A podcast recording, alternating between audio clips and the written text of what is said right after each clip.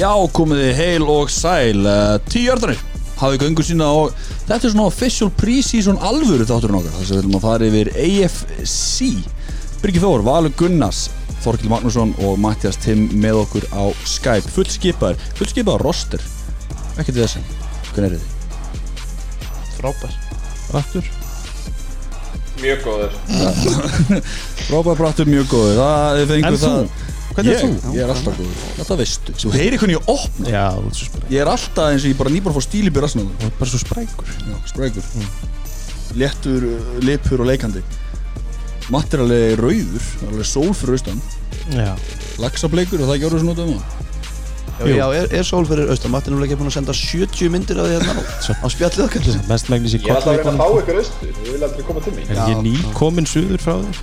Herri, ég á vinn sem að sagði hérna Nei, ég fari ekki um vegist það er ekki fljótur að fara í gegn Hann ekki fljótur að fyrir gegn Fyrir ekki, hann var fljótur að fara í gegn Já, Það sem að segja, hann var ekki lengi að Burn. bruna í gegn. Þannig að þegið þú bara, skilju Ég er ekkert bara að koma austur uh, Við ætlum að fara yfir fullt í þessum uh, þætti að sjálfsögum sem ég sagði, í byrjun ætlum að fara yfir AFC main og taka smá prísi svona taka hvert einasta lið í uh, AFC hluta deildarinnar uh, En áður en við förum í það, þá er gaman að segja fyrir því að við erum komin í samstæðu Nikoland Aftur, það er White Fox og Skruf Skrufið Skrufið, þú ert mikið skruf maður, Kalli Mikið skrumaður Hvað það er, það er mitt Ég er komin yfir í það Já, hvað er þetta ekki? Solberja, það er ekki eitthvað annað Ég manna það ekki, það er eitthvað að berja Eitthvað þryggja búnda og fjóra búnda Það er mjög Ekki? fínt sko Jú, allt hitt í hvað ég kallaði það aftur Ég veit það ekki Mjólkutuð með bræði Mjölkundur sem bara, já, en þetta er það sem er gefið þig kikki, er það ekki? Já, þetta, er- þetta, þetta er mjög fínt Fyrir okkur sem erum að reyna að að hætta í rutan Já, burt með hvað? Burt með rutan Takk, akkurat. Matti, þú ert líka í þessu ekki? Jú, jú Jú. Skrúf, Eh. super white, frozen shot Það ekki? Er það ekki þunnubókanir? Jú, Já, þeir eru mjög, þæ- þeir eru mjög þægilegir. Það kemur í ganga ekki? það er bara á hverjum degi Ah, allar ennir þesslanir, 10-11, you name it. Líka flestum svona, í þessum nikotínpúða vestunum. Og Nikoland.is ekki? Nikolán Putresjú, bara go for it. Mm. Uh, Förum aðeins inn í nokkur hluti sem búin að eiga sér stað. Í fyrsta æfingi í dag voru hjá með hérna, Brynjur í dag. en það sáum við að meittust ég veit ekki hversu margir í dag þessi soft tissue, það sem að Gerald McCoy til dæmis, einn af varnamönnum eh, Dallas Cowboys sem var fann að líta helvíti vel út nú þegar þeir sænu líka Everson Griffin til eins árs uh, hún vektist aðeins eftir að Gerald McCoy sleit crossband, var ekki crossband Matti? ekki alveg víst eh. Nei, það var ekki crossband Ég veit ekki hvað þetta heitir á, á hérna, íslensku En þetta var ekki crossband En hann er samt átfórið í er hann sleit eitthvað sem má ekki slitna er það? Já. já. Já. Já, hann og hérna sem er sænuð í Bengals hvað hann kom frá Vikings Matti hann sleit Já, eitthvað hérna, Trey Waynes Já, Trey Waynes. cornerback, Hann sleit líka hann sleit eitthvað djúl þannig að við ætti að vera svo næstu dag það eru menna að fara að slíta hitt og þetta og meiðast og svona, það geta gerist alltaf Það er alltaf fyrsta engin já, svo er spennandi að sjá hvort það verður eitthvað meira af þessu núna en áður eða að því að þeir eru að fara að æfa öðruvísi núna mm. þessu tímpili út af það verður engir æfingarleikir Já. en það verður kannski meira ákafa á æfingu með maður veit náttúrulega ekkert hvernig það er. McCoy er að rýfa sinni í læruvöða það er svoleiðis, Já, þetta er alveg daggar Mhm. Bæði og Harnox er byrjað góðu þáttur ég mista hann, ég, ég glemd að horfa á hann. Já. Ég ætla ekki að- ég ætla Þetta ekki er, að- ég og Kalli og sammála þegar við horfum á þetta, svona, ég horfum á þetta aldrei að fá smá sín í allt COVID-protokoll Mhm. já, já, Það er ógslag gaman að sjá svona hvernig liður að líka svolítið þund fyrir þá að byrja með seríu núna þegar það er stitt tímabil og- eða þú veist stitt hérna Prísisson prísísson og þeir hafa náttúrulega kannski ekki þú mikla móða en það var pínu kúlið með að sjá hvernig stilla þessu upp en á sama tíma náttúrulega einhvern veginn svo frálegt að sjá þá síðan að það sé valkvæmt að vera með grímu og æfingu en allar þessar, þú veist hérna, fyrirvarir á, á öllum öðrum stöðum nema á grasinu sjálf Mhm. það er bara eins og í fótboltanum Já, algjörlega, en þú veist Já. Ég ég er líka sko sjómak veiðar hann, veist, hérna, þú veist, maður er bara vélmenni Þá veist, það er ekki bara að tala um eitthvað, sé eitthvað svona sterkur, eitthvað, hann er bara bókstala roboti Já. Skilur, það er ekkert í gangi hjá sem gæði og heimislífa hans er alveg eins og konan hans er 100% eitthvað IT, eitthvað, eh, Eitthvað róbóti bara bara roboti skilur, bara, ég ætla ekki að segja IT, hvað er þetta? í tí, það er ekstra tröðsum AI, ég AI já. ætla að segja AI fyrir hún er ekki svona lítið gemvera sem sem- sem sem langa hjólan er putta. framan á hjólinu sínu ekki Hvet ekki til Eh, að skífa harnoks, það er gaman að sjá þetta Eh, verðum við ekki með svona þáttum Arnox já, Nei, við sleppum bara. sleppum því, þetta skipti Ég náði svo stöðtur sport, það var mjög þægilegt Já, það ekki? Jú. Já, þetta er líka, Byrja að sýna þetta. þetta. er líka komin á Game Passi smá saman já, já, já, já, auðvitað eins og heyrðu það og sagði, ég veit ekki hvað heyrðu það var alveg sem Simonsson ekki á Silent Hann var á silent eins og protokóli er í byrjun þáttar Ég tók hann af silent að hann Örgjótin, takk fyrir það Herru, ég glemdi þetta að koma, við erum að taka þetta upp í Nóa Sirius stúdíunni í Porkastöðinni Sittum hérna svolítið þægilegir ekki, svolítið nýtt stúdíu hérna og erum, við erum í svona litlum svona lazy boy feelingina já, Vanda borð það er borð það nýtist ítla En gekkja stúdíu sann já, geggja stúdíu, ég er búin að leysa þetta svona þú veist, fólk ætti að sjá mig núna hann geta að tróða neina öðru í fóngi á mér en það er bara fínt Kallið með svörtibókina, þannig að góð þáttu framöndan Það er með svörstu bókina. uh, Tölum aðeins um samninga, ég nefndi Everson Griffin, hann fekk eins og samning bæða og ég glemdi að koma inn á það Kenny Clark, nóstakul hjá Packers, hann fekk fjara samning Já, stærsta í sögunni fyrir nóstekul Já, hann er hvað 24 ára? 24 ára og er bara ótrúlega góður búin að vera ótrúlega góður svo hann var valið nummer eitt hjá okkur fyrir þetta hvaða fjórum, þreim fjórum árum Mhm. og er bara stívaksandi og er líklega ekki búin að ná þakkinu sinni ennþá þannig að þetta var frábært að sæna hann og þá var bara eftir að hvað verður gert með Aaron Jones og David Bakhtiari hjá Pakkes og svo er svona undir aðdæmum hvað verður gert með Corey Linsley sem er sendirinn en, en sem Pakkes aðdæmum það eru mjög ánæður sem er búin að sæna við Kenny Clark Tryggja Er eitthvað með svar við því hversu mörgum miljónum Griffin kastaði frá sér með því að var hann ekki, optaði hann ekki út á okkur máli fárulegum tíma, var það ekki eitthvað neðan þannig? Matti með eitthvað Excel-skjál, Matti Matti er ekki Já, sko, þetta var náttúrulega þannig að hann átti held ég, hvað var það, þrjú ár og 40 og eitthvað miljónir eftir á samningnum hjá Vikings en hann mátti þess að droppa úr samningnum ef hann myndi ná einhverjum 6,56 og spila einhverja 56% af defensive snaps og Mm. hann gerði það í vonum að ná sér í stærri samning Og það fór í klósiti hvað fyrir gengið 6 miljónir eða hvað fyrir eitt á nei hvað fyrir hann Jú, Er það ekki, já. eitt, eitt á 6 Rosalega miljónir vond það er rosalega vond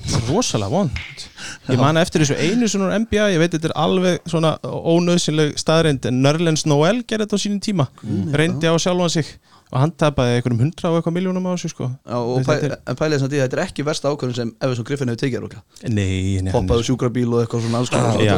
yes, hann er koma já, kannski kemur karmað bara í baki á manni eins og vanalega Já, stökku sjúkrabíl Já, ok, það var karma fyrir það, já, ok Hann fann ábúinlega fyrir því að stökku sjúkrabíl Þannig að það er uh, Rosalega góð vika að baki fyrir Titans Bæði Kelsey og Kittle fengur báðir framlengingu Mhm. Rosalega, þeir eru vel að þessu komnir en það bestu, tvei bestu tætendara í deldinni Kittle fekk hvað, 5 ára samning 75 miljonir, það er ekki rétt um að þið Já, jú, og Kittul fjö- ö, fjör ár hann ætlaði- þetta- já, Kelsey fyrir ekki þetta er þriði samningur hans Kelsey eða ekki ekki um réttum mér já, með, með rúk í samningnum, jú við meður okki samningum já þannig að það er búið að framlengja hann aftur Hvernig var svo samningur? Er ég að hendi ykkur út úr hann, rúðuna? hann var sem sagt, það var bættu fjórum árum og 57,25 miljónum á samningin sem hann er núna á Melgert Chiefs bara var sem hald honum Mm. Já, hann, var svo, Mikilvægur hann, er, hann er orðin hvað 30 eða ekki Mm. jú Já, en hann, hann samt virkar eins og hann getur nú verið eitthvað Tætenda geta oft verið Já, einmitt, gamlir menn. einmitt. já þetta er svona þannig staða Já. sem er samt líka alveg hægt að færa rauk fyrir þegar þeir eru alveg meira fyrir barðinu og hlutunum það er svo það er Hann er 31 eh, í- Það á er þessu- kannski ekki eins mikilvægt að, að, að því að þú missir ekki hra, þú veist, hraðinu það sem fer já þeir þurfu ekki dendilega að vera hraðir á meðan að, ekki þessi tveir skilur ég menn að horfa á vittin mm. hann er komin að þessi samningu á Reiters Já, já, sem er einmitt eiginlega bara stuldur ekki á Reiters bara, eða bara vittin að hann sé að þú fá peninga fyrir Já. góð störf já. ekki að Hann er ekki- klefakall. já nákvæmlega Svo margir aðrir. svo sem já það er samt líka bara með þessa samninga á Kelsey og Kittul þeir, sko, áður en þeir fengu þessa samninga þá var Austin Hooper launaðist í tætendu með 10,5 miljónir ári nú eru þeir með hvað, þú veist, ég held að Kelsey sem er 14,75 og Kittul með 15 ári mm. þeir sprengdu hennar samningu upp nei, hennar, hennar markað upp, tætendu markaðin Já, hann er vel að þessu komin hann Kittul, hann minnst Kittul líka hann- Kelsey er hann búin að fá aðeins borga sko Það er ykkur átt að skila ára Kittul, maður fólksins Yes. King Kittul Herra, nóg að fara yfir hjá okkur, ekki bara að byrja á þessu AFC, allavega að taka hvert þetta einasta liði Við ætlum að fara yfir sókn, vörn, rúki uh, Off-season headlineið, worst case, best case, storylines Og ég veit ekki hvað og hvað Við myndum okkur í það Já, over under svo þetta, við tökum aðeins smá með það Uh, byrjum bara í AFC North og við ætlum að fara ykkur frá topp og niður þannig að AFC North í fyrra sigur við Boltum Ravens 14-2, þeir sigur við AFC North og fóru í, uh, sitt playoffrun sem var ekki langt Hvað vil taka það? Þá tek ég þetta bara Sóknum einn, það er ekki bara Lama Jackson Vist, er, eitthvað, er eitthvað annað að nefna við sókn við erum alltaf auðvitað bara hl- hluna, hvað segja, þung hlaupasókn Já, Marki Ingar minn alltaf þarna Já, og hérna mjög eins og við höfum nú held ég rætt ára mjög spennandi að sjá hvað ég gera við Lama Jackson á næsta ári þegar það er komið ára af þessu teipi sem hann síndi í fyrra Mhm. og ég, það kemur mér ekkert á óvart ef að yngra mundi vera með herri hlaupatölur heldur en Lamar Jackson á næsta ári Já, já, að, að það er bara stoppað hérna af því að, að það er fyrir eitthvað svona stoppað í götin fyrir, fyrir hérna Jackson og yngra myndi, og þeir myndi fara í kannski aðeins meira traditional sóknarleik Já. þó ég held að minn aldrei, aldrei, breyt, aldrei breytast og Lama Jackson verður alltaf go to guy hinn og, og svona þú veist, bolti verður í höndunum og honum, við getum orðað þannig en það kemur ekki á orðið að yngra myndi verður með fleiri hlaupi heldur en hann næsta ári mhm Nú maður ekki sem gleyma því að sko Lama Jackson með flest uh, passing touchdowns í fyrra 36 eða maður rétt, fröken 38 og ég meina þannig að þú veist, svona, uh, sem er að magna þetta hann er líka þú veist, með þannig dýnamíska hlaupaleik og þessa kast getu hafa þessa möguleik svo Mark Andrews og, og Hollywood Brown og ég ætla, ekki- ég ætla ekki að nefna Willie Sneed það kemur ekki sem málunni við skilju þannig að þú veist, það, það er miklu meira í þessu heldur en bara að hlaupa skilju, það er svona að hugsa svona fyrst um Má- Má má ég spyrja hvernig, áður en við kannski þannig að þetta ekki orðið, þannig að Kalli og Matti að finnst ykkur ekkert eh, þetta MVP tímumbil hjá Lama Jackson haf- svo hafi farið svolítið undir ratarinn núna Jú. Mér finnst bara að tala um Patrick Mahomes auðvitað við, tekur hann, hann alltaf mittist og hann, þú veist, en mér finnst bara alltaf talað um Lamar Jackson undir áðarinn Já, það er náttúrulega held ég bara út af því að Mahomes vann sútuból.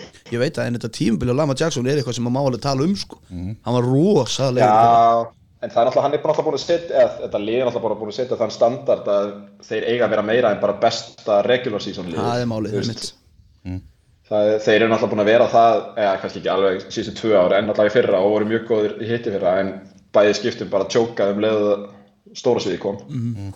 Mhm. Þannig að það, það hefur náttúrulega áhrif, en þú veist, jú, MVP er náttúrulega regular season verðlaun, en það skipta litlu máli ef að þú drullar sínum á um bakum leiðu getur. En fyrst við erum svona sóknum einhverja stökka bara beint í rúkín J.K. Dobbins eh, tók hann í, í second on hlaupur úr, úr Ohio State sko Þetta er bara svona, svona, svona púsl, þetta er svona Jenga piece eh, þú veist, Þetta er svona akkur púsl sem að passa bara perfect inn í þetta, inn í hann hlaupalik Gæti gert það sko Já, það er náttúrulega bú- best case nefnir Já, náttúrulega já, skilur já. Við ætla búið bú, bú, við því eh, náttúrulega þungur hlaupar í með Greg Róman sem er bara að fara að leika sig með hann inn í, inn í kerfinu sko Ég er svona Ég sko sóknarlega Þá finn Mér finnst samt ennþá svona Pínuðund Smurst Og það er svona eh, Þú veist, á einhver, ég, einhver tíman let ég hafa og sagði ég hérna að ég hefði áhyggjur að þeim á þessu tímubili að menn myndu mögulega að lesa þetta aðeins betur og ef að það gerist þá finnst mér sérstaklega að vanta vætir síver í þetta lið en hlaupaleikurinn er vel mannaður sérstaklega náttúrulega með raun, það er svona quarterback og svo er ég Mark Andrews maður Mm. yfirlýstur Mark Andrews maður þannig að það mögulega en pínu þund en samt, ég menna þetta er alveg eins og þú segir, a- aftur kannski förum yfir í annað þetta er auðveldasta schedule á tíumbilinu Já. þannig að þeir, það er þeim í hag Það er mjög mikið til mjög Já, en þá er spurning allar er svo þetta aftur út bara strax svo þeir komast í úrslutakefni Já, það var svona, það var svona joke fílingur yfir, yfir úslakefni hjá, hjá Reynans Já. uh, Varna með með boltan uh, Náttúrulega mitt besta secondary í deildinni Þá kemur einmitt um Markus Peters Bara cornerbackin sem kom til að fóra, fóra Rams í fyrra og Gjör breyttu öll gjör breytti og er bara og er bara hannaður fyrir þessa vörn sem að þessa, þessa, þessa dín, þetta dýnamiska secondary sem að Ravens voru með í fyrra Ég minna hann er með eitthvað 5 interception og 3 defensive touchdowns í fyrra Og þessi- Ógeislega góður ógeðslega góður sko En samt með svona líka, hvað heitir þetta svona uh, kveik, kveikti svolítið undir honum held ég að vera þú veist, losaður bara til þess að koma öðrum leikmunum fyrir, þannig að það er spurning hvernig kemur hann inn núna, þegar það er ekki svona endilega mikið pressa á að hann síni hvað hann geti. Chip on his shoulder Það var einmitt það sem ég var að leita En ég meina hann ásamt Earl, Earl Thomas og Marlon Humphrey sem það er ekki hinn cornerbackin sem er á Ég rétti Jú, með mati Jú, það hann er, þú veist, Humphrey er cornerback eitt tæknilega þessi hjá þeim, sko Já. þú veist, hann er geggjaður svona sjöttan corner og þeir voru, þú veist, þetta var einmitt ástæðan fyrir að hann var látið fara frá Rams Peters að hann er mögulega besti cornerback 2 Já, í deildinu og hann er svo mikið svona gambler, þú veist, þú sér hann alveg taka fullt af sensum og þess vegna er hann með svona góða tölur en stundum náttúrulega lætur hann börna sig í drasl já Uh, yngri en ég held 27 ára, hann er ekki svo gammal hann er er bara ekki kemur á eldri en það. óvart hvað hann er ungur sko. Peters 27 Peters bara ára. 27 ára sko. Hvað er- hvað er rams? Uh, okay. Mm.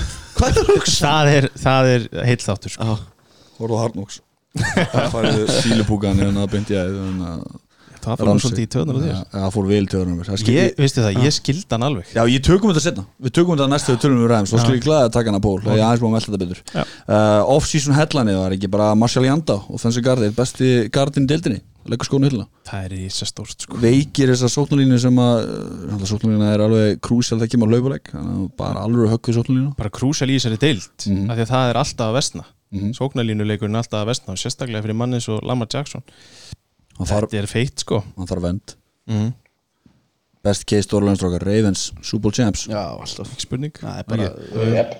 þeir stefna á það Þetta er eitt af tveimur lí- líklegustu liðunum í mínum myndi okay.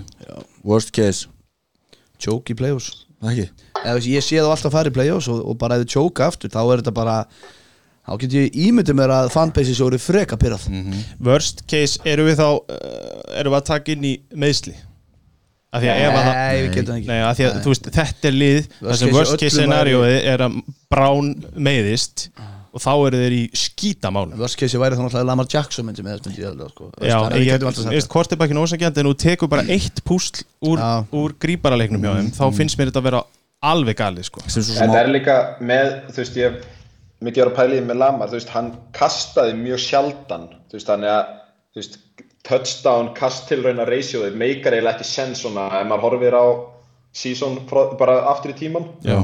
og ef hann kemur, þú veist, aðeins nær meðaltalinu, þá gæti hann alveg þurft að hlaupa hans í mikið, sko, eða kasta meira til að ná þessum touchdown tölum upp, mm. það er hvað við. já, já, ekki spurning Klálega ég, eh, svona, út, ef þú bara, ef allir eru heilir þá, þá þú veist þá finnst mér þetta bara rosalega líklegt lið til að fara í allavega úslita hérna AFC Championship game sko. Já, ekki spurning það er bara, Þá, þú veist, þetta er nánast AFC Championship Game or Bust season. já, 100%. ekki spurning Uh, strengt á schedule sem nefndu þeir með auðvöldast schedule framöndan þetta er náttúrulega meðast, það reikna bara út frá sem sagt, uh, vinnislutvalli vinnislutu síðast árs sem er þá bara 0,438 núna hjá, hjá Ravens og þá kemur over under sem bræðan uh, yfir undir 11,5 sigrar þetta er í overs þetta Yfir. Yfir, alltaf er yfir ekki auðvöldast að yfir bara sem Over. mögulega getur verið við erum það hér overs á Ravens höldum áfram, fælum okkur í uh, Pittsburgh Steelers 8-8,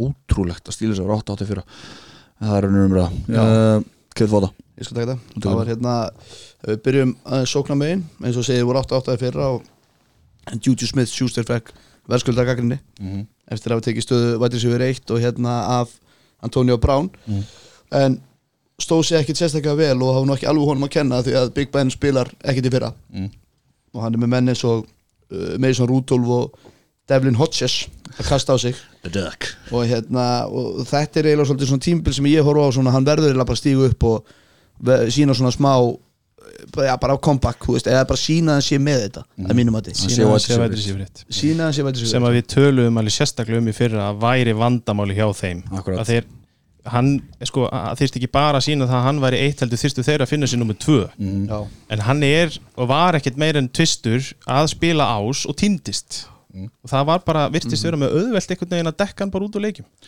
en við skulum, eins og þú segir sko við, hérna, nú höfum við oft sagt að við hefum getið verið að kasta boltanum, það var eiginlega stundu þannig, það var bara vandrarlegt, þið vissu ekkit hvorum þeir ættu að spila Rúdolf eða, eða hérna, öndinni, önd, andakallaranum The Duck og þetta var náttúrulega bara, þú veist, það er kraftaverk að það er að við unni átt að leiki, sko og svo var Conner með uh, vonbreðatíðinbi líka í fyrra hann kom seint, fór seint af stað já, Já og hérna, og það fer alveg smá undir ratarinn en, en þeir fengu ekki nóg frá þessum aðalvopnunum sínum, eð, aftur eðlilega eins og þú segir, þannig að þetta verður spennandi að sjá hvað þeir gera núna þegar að Big Ben er komin aftur Matti það er líka sko gleymist í þessar umræði með Juju að hann er á leiðin í kontrakt hér Já.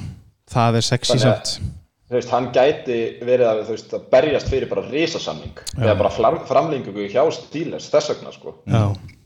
því að þeir drafta vætri síður í second round í ár og í fyrra Já Mm. Þið eru nú hrifnari af uh, uh, hérna vætri sífurinn sem er á bakveðan heldur en ég var Var það ekki, Matti, þú varst nú Washington var- er svona kannski mest spennandi af þeim Já, Deon- Deontay Johnson er svona aðal maðurinn á bakveðan og var alveg fítn í fyrra Já, það það er kannski ágætt að vera vætri síður tvö hjá Steelers já, já. Já, uh, varna með boltan Devin Bush Já, já, eða veist Ég myndi nú alltaf að segja TJ Watt sem ég myndi nefna fyrst hann sko Þú getur nefnt kombói Þessi, já, já. á að tala um að týta TJ Watt Devin Bush kombo eða verið svona, svona lockdown eiginlega í þessari vörn og svona Fitzpatrick fyrir aftan síðan já, minka, en alltaf vörnin var bara sókniðina í fyrra basically þeir voru ótrúlega segir í törnóður með maður rétt og bara og, og þeir er náttúrulega ástæðan fyrir því að þeir fóru í 8-8 annað lið sem gerði líkil treyt til að bjarga tímabilinu sínu Já.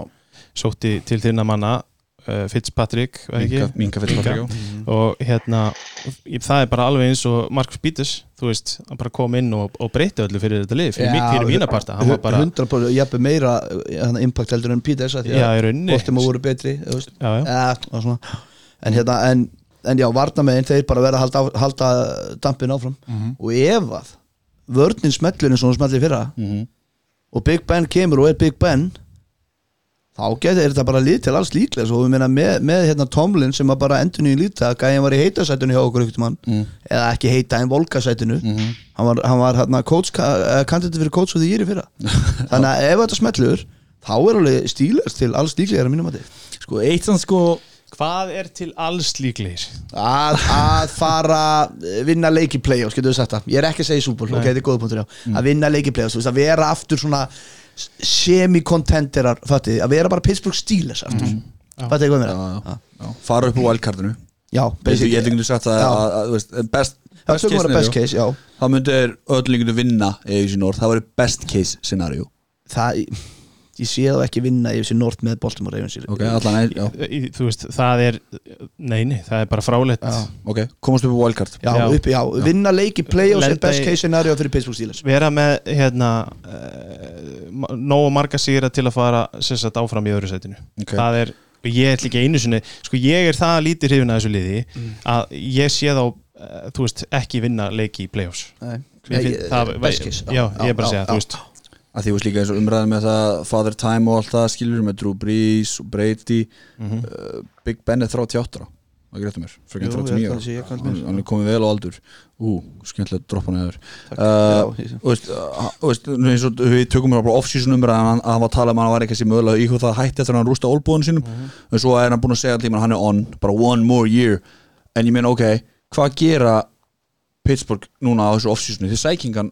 almennilega til að vera frá aftan hann skýra afskaplega lítið og, Já og ég meina, og við vitum, við erum búin að sjá hvað er fyrir aftan hann Þeir eru ennþá hana Já, já. Devin Hodges og Mason Er Rudolph þetta sömu og í fyrra? Já, ja, allan að Mason Rudolph þetta er þund og lélegt og nei, þeir fá Paxton Lynch inn Já, Paxton Lynch sem hefur nú ekki beint uh, Nei, ekki verið feitum eftir. garðin frægan en já, já, þú veist ég er ros, ég ætlaði nú ekki að vera að kasta hérna til og frá einhverjum sprengjum en ég er Mm. rosalega lítir hefina þessu liði mér finnst sóknin ekki nóg spennandi til þess að, ég- þú veist, Connor síndi mér ekkert í fyrra, hann væri frábær running back og ben, Big Ben er búin að líti út þessu hóbó í rúmt ár Það er hver á að af því að- segja af því að mér að hann- hann sé í standi til að koma Þú veist okkur það er. tví eldur tilbaka eftir COVID og meiðsli og Ég, Og ég, bara fer- á ég fyrir einhverjum- hináttin matartúr viljastyrkurinn hjá gæðan hann sagði bara ég ætla ekki að raka mig fyrir en ég hendi hana, kasti aftur þegar öxlanum er honum heil hann hendi og voru eitthvað að leika sér með Juju, ég man ekki hverjum og hann rakaði sér um, um kvöldið hann sagði bara þegar hann meittist, ég ætla ekki að henda fyrir en öxlanum er honum góð og ég hendi aftur, þá ætla ég ekki að raka mig já, já, Fucking ok hobo, maður. Æ, ég veit ekki, ég, þú veist, þetta lið gerir ekkert fyrir mig og ég, þú veist, mér finnst það kraftaverk ef að þeir ná einhverju betri þriðasætinu í þessum riðli Ok Það er bara búin rúkiðin Alex Highsmith uh, Edge tekin í þriðja ránda, second round, manna ekki stór, sterkur, mikið springkraft í þessu leikmann þetta er svona mót, svona hann kemur svona í rotationið Mhm. með hérna TJ Watt og Bud Dupree hann að, þú veist, ég, bara munið þér átminu þetta, hann verður komin í, í, í sack hvað hann, sack leit og í þessu liði eftir svona 2-3 ár, ég, er ég svoleiðis. ætla að fara svo langt Já, já. að segja það, overunders 9 á Pittsburgh, Öndir, Mjög slétt til þess leitt gefðu mér öndir já, já, undir eða bara akkurat það 9 bara, Já, ég, mér er pyrrandi þegar að það er ekki gefið mig koma fimm ok já, já. Ég, Ég, já, ég er það að horfa á segja þetta hérna öndur Já, öndur Ég er eiginlega- já, ég er eiginlega komin undir þeir, en þeir eru samt með næst léttast að skellum skedjúli, samkvæmt Já, strengt ég skedjúli ætla að segja, ég ætla að segja nýju sigrar hjá Pittsburgh Steelers Akkurat þá, já Akkurat. Ok, 9-7 Ok, ég, ég segi allan að önders fyrir mig að því ég held að Big Ben með þess en hvað er worst case, það er ekki bara að Það þetta er bara fari í algjört skrúna hrap, sko. Já, bara, big, Allt í bara, big, apaskít og bara samóið fyrra Já, já, Ég er það, það sem ég sé, ég sé bara samóið fyrra 8-8 það er nú bara helviti gott tímabili ef þeir ná því núna sko, sorry, ég, þú veist þetta er svona Pittsburgh Steelers sko Mér finnst þú svolítið tala um það eins og ég séu bara Browns eða eitthvað sem er næsta liðbyggja Það er skemmtilegt með það Cleveland Browns 6-10 uh, Kefir þú þetta? Ég skal taka þá, eru mínu menn. pínu Wow. menn Er, er að fá Daisy Wolfrunni fyrir það? Já, allavega, þú veist, ég sagði hérna sókna með einu boltan. Coach Við þurfum of bara að the sjá year. coach of the Baker Mayfield frá því í lok 2018 í staðin fyrir 2019 Baker. Já. Og þú veist, hann tók bara þetta típiska s- sophomore slump. Anna árið, þú veist, fyrsta árið var bara geggjaður þó að þetta hafi verið lítið sample size. Og svo bara allir hæpaðir fyrir honum og liðinu bara í hildsinni með hvað allt sem þið gerðu. Og allt var bara í skúfunni og umulett en hann er sí- samt víst búinn að taka sér á í ræktinni og svona og hættur að leika í auglýsingum Æ, Ég, veist, ég, Ég þólið ekki ég, ég er ekki ég, Ég þóli ekki þessi þessa, þessa off-season narrative að Bíddu, bíddu, bíddu, bíddu. NFL-leikmenn er að taka á í ræktin Bítu, bítu, bítu, ég ætla ekki að raka mig fyrir en ég get kastað boltanum, það var geðvikt Það er ekkert, það er allt annað, það er viljastyrkur Nei, ég er ekkert að, ég er að binna út af því En kvotunum er sá, þú veist, að bara auðvitað eru þeir að taka á í ræktin Þetta eru NFL-leikmenn, sko Ég skal samt gefa þessum gæja það að við, Lacey mæta 2-3 ár Já, bara guð minn almáttugur, í- svona í ekki- yfirþyngd sko. Já, svo er það, en það, en það munu eftir honum, þú veist hann var bara eitt stór hausverkur en það var líka löngu komin tíma á það að Baker færi í ræktina og kæmi sér í stand það er bara Veist, já. ekki maður spurning sko. sá, sá hann bera nú ofan og maður bara ekki alveg viss með þetta Nei, það var líka með röngum mönnum til að vera á myndbyr og og- ofan í það skipti sko. en eins og þú veist bara með, við erum búin að tala um áður að hann er að fara að renna út af afsökunum þú veist, þeir eru með geðveikt sóknarlega á blaði og núna við gáum hann það að, að þeir gerðu ekkert í ó- offensive lineinu í fyrra og núna er þeir komið hérna, hægri tackle í Conklin sem er besti run blocking tacklein í deildinni og first on pick er að var Jedrick Willis sem er bara nöyt þannig að þeir eru komnið með tackle báð megin og hann verður bara gjur svo vel að ríða sér á stað Svo og það var bara rúkinn sem ég sa- talaði um í þessu að það veri vils, það veri bara gaman að sjá hann Já. Sko, þegar ég hugsa um sóknuna hjá Cleveland Hvaða, það er ekki marga sóknir sem eru meira spennandi fyrir þetta tífumbil er ykkur sókn mér Ég, ég, myndi alltaf, ég myndi alltaf segja Kansas og það, mér finnst þið bara annar deild akkurat núna mér finnst þeir ekki, já, ok, ég Já, skilji nú já. ætla ég samt að skipta um bara svona hvernig þú- þú útskýrir spennandi við vitum hvernig hún er Ok, ok, þetta já, já. er virkilega spennandi sókn sérstaklega þegar að þeir eru búinir að gera það eina sem þeir þurft að gera er að laga þessa Sóknarlínu. fjandan sóknarlínu Og losa sig við Freddy Kitchens Ok, spennandi fyrir utan ok. það, já, En fyrir ég utan ætla að það. Mm. segja betri Ok, ég ætla bara að fara svo langt að segja betri Eru margar sóknir betri en Cleveland Browns á blaði í dag ekki á blaði, nei. og ég er, hefina, er mjög spenntu fyrir að sjá Stefanski núna Já, ég samanlega því að því að mér, ég var ekkit, þetta var ekki svona eh, mest Þjálfarinn sem tók æsandi við þjálfarinn til þess að taka en mö, þú veist, þetta er samt alveg skemmtilegt pælingin er góð sko uh, en, en, en sko, eina spurningamerkið í þessari sókn eða eina auðvitað eru ykkur En Er ekki stærsta spurningamerkið QB? QB1 með við tíum bíl í fyrra, Já. mögulega Og það er eina sem við höfum að einhverju viti Ég meina, ég, þú Já, veist, getum við getum við gefið honum fyrst sísunni? nei, sko það- Óskrifa blað Óskrafla, það er ekki, þeir eru ekki með, þeir eru ekki með vídeo á hann, þú veist, um leið og kom vídeo á Baker, þá hætti hann að geta eitthvað, þú veist, mm en það var náttúrulega bara eins og, eins og heitur nýfur í gegnum smjör sko þú veist, hann var bara að hlaupa fyrir lífi já, sín vissulega, alveg 100%, já, ekki spurning þannig að kannski ef að þetta skánar með hérna konglin og, og hvað sem hann heitir Willis, Cedric Willis þá, þú veist, þá er möguleiki sko einmitt, gefa honum smá tíma til að hugsa því að hann- þetta virkar eins og gæði sem þarf alveg eina auka sekundu Já. skiljiði hvað ég á við já, já, hann þarf aðeins meira andrými heldur en bara að vera komið manni í andlitið Nei, ég- ég- já, og líka hann má stundum gefa sér eina auka sekund já, fyrir við það, það er endur alveg rétt líka með Landry og Beckham og með Hooper og þú veist, þetta er sexy sko en ég ætla bara ekki að láta æsa mig upp í Cleveland Browns ég ætla ekki að gera það. en þetta er liðið sem að ég er að horfa á að verði fyrir hún stíles Já. ekki spurning Varna Já, með það er alveg þannig, þú veist út af því að þeir eru líka með þetta running back duo sko, og Stefanski er náttúrulega mikill running head coach, þannig að hann fær kannski hennar Baker að smá svona þurfa ekki að vera aðal sjói í Cleveland, þú veist hann fær alveg svona smá break Það verður líka svolítið spennandi fantasilega að sé Já. fyrir þá sem er í því að, að hérna, nú er orðið vesen, nú er ekki eins auðvelt að taka bara tjöpp og gleyma þessu sko, því að hönd geti hýrt alveg ógeðslega mikið af, af sóknarsnöppum sko Hann- Þannig að ég er receptions af Chubb Já, heldur betur Og það og, er telur. bara, þú Just- veist, er ekkit nýtt undir nálinni að hann er bara geggjaður leikmaður Mhm. þó hann sé algjör frathaus og drullus okkur þá er hann, Hver, Karim Hönd? já hann alltaf kom sér í vandræði Já, já, við þurfum ekkert að fara við þurfum ekkert að fara yfir Nei, það nei, ég er ekki En að gera það, Þú veist þú veist- hvernig það, já, ok, það skilur gögli, já, en já, hann er, já. þú veist, þetta er topp leikmaður Já. þetta er, á sín tíma bara var einn að, hvað, 10-15 bestu rönnibökkunum í Já, deildinni, ok, ekki Já, hann spurning var alltaf Rushing King þarna eitt árið. Fyrir- nákvæmlega, Uh, Varna með boltan, Matti Já, ég var eiginlega bara að tala, mér fannst skaman að tala um að defensive coordinator nýji er gæðin sem að var defensive passing game coordinatorin hjá 49ers í fyrra. Þannig að hann eh, gerði alveg einhvern öndratti drúki hjá 49ers bara að starter í einni af bestu vörð deildarinnar.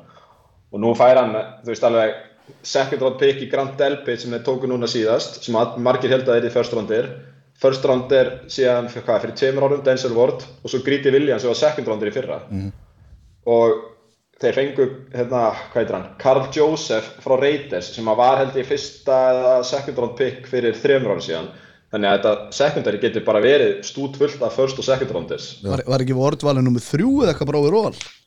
Nei, hvernig var það? Eh, fjögur Fjögur, já, alveg þetta Við erum með hæfur Já, þetta er góð, góða punktur, þetta verður mjög spennandi að fylgjast með því maður En svo secondary hjá, hjá, hjá Browns en, en það, þetta það, er bara geggjað á blaði þetta er geðvikt að blá Og svo, og svo En, en dýrasta passrössir í deildinni já, pælum að Miles Garrett, já Hann er dýrastur í dildi rosalega margir góðir leikmenn í þessu liði En þetta er Browns svo geta þeir ekkert. Já, það er helvitis nafnið á búningnum Það gæti farið, það gæti svolítið farið Browns, þetta er gali Ælið í ef þessi leikmenn væri í liði sem væri ekki bölvað Já, ef- ef- segjum að við varum að tala um þetta hjá Pittsburgh Steelers eða, þú veist New England Patriots, við varum bara að hafa engin sjens Það var ekki séns. Já, þetta væri svona 15 vi- svona sigra lið Já, já, já. okay. uh, Offsísu fyrir sem við erum búin að taka það og Stefanski er búin að taka við Já. sem aldrei verið reynda head coach en, en þurfum ekkert að fara með inn í það Best case storyline Matti er ekki bara beint í play-offs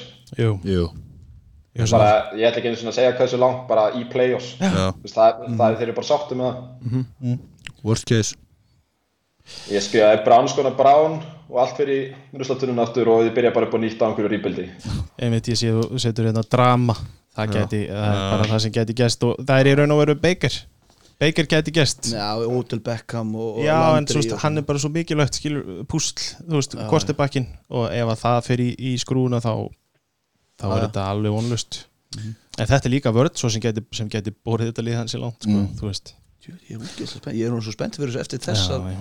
tíu myndir sem við tókum ég að ræða á Já. Að Ég er yes! miklu spenntar en Ég, ég nenni sér ekki Ekki ég. maður Eru- eru Ekki með- ég, alls ekki, Við erum og með bara. fjórða léttasta schedule-ið Over-unders uh, 8,5 Over yfir ég var að horfa á þetta, ég taldi átta gefins þannig að það hlýtur að vera yfir Já já.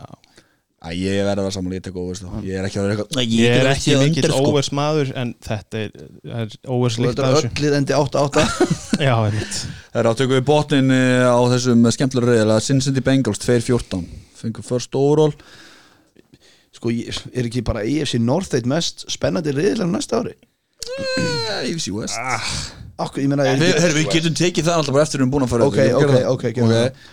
Tökum Bengals núna þetta er, þetta er áhugavert liðið Já. þeir náttúrulega gera, gera það sem að er svolítið búið að vera að býða eftir og hrista svolítið upp í þessu Mm. sækja sér nýjan kvortibakk eftir að rauðir yffillin lætur sér hverfa og það er geggja spennandi Já. þetta er gæði sem að þú veist hvað á maður að segja, skaust upp á stjórnuhiminin einhvern veginn og það er bara svolítið allt undir hjá Bengals að þetta gangi upp Já.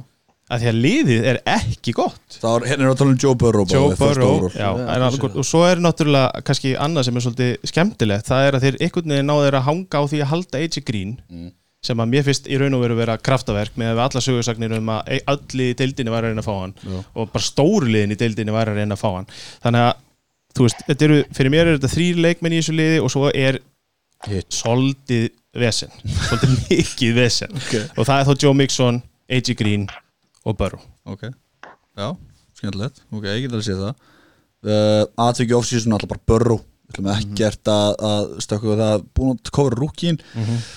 Sóknarmegin, þú nefndir Joe Mixon mm -hmm. mm. Er hann ekki svona Svona helsta nafnið hann Ég veit AJ Green alltaf er AJ Green En en AJ Green er samt alveg búin að vera frá í basically tvö ár Það við skulum náttúrulega ekki gleyma því að hann er skeppna, Miksoninn, Bixonin, það kom fram í þætti fyrir að hann væri skeppna en, en sko það er búið að vera að reyna að segja mig líka að hann sé alveg að fara að breyka átt og það er kannski bara komið tíma á hann Já. að hann bara verði ógeðslega góður en enn og aftur er sóknarlína nú sterk til þess að Joe Mixon geti breykað út er eitthvað sem getur sagt með það Já, just, hún var ömulegi fyrir sko. já þeir náttúrulega þeir- ok, först og það sem þið tóku í Tökum Jonah Williams já, Já, hann er að koma tilbaka Hann er að koma tilbaka núna. Baka hann alltaf, já, bara í fyrsta skipti Já, hann var meiddur í fyrra.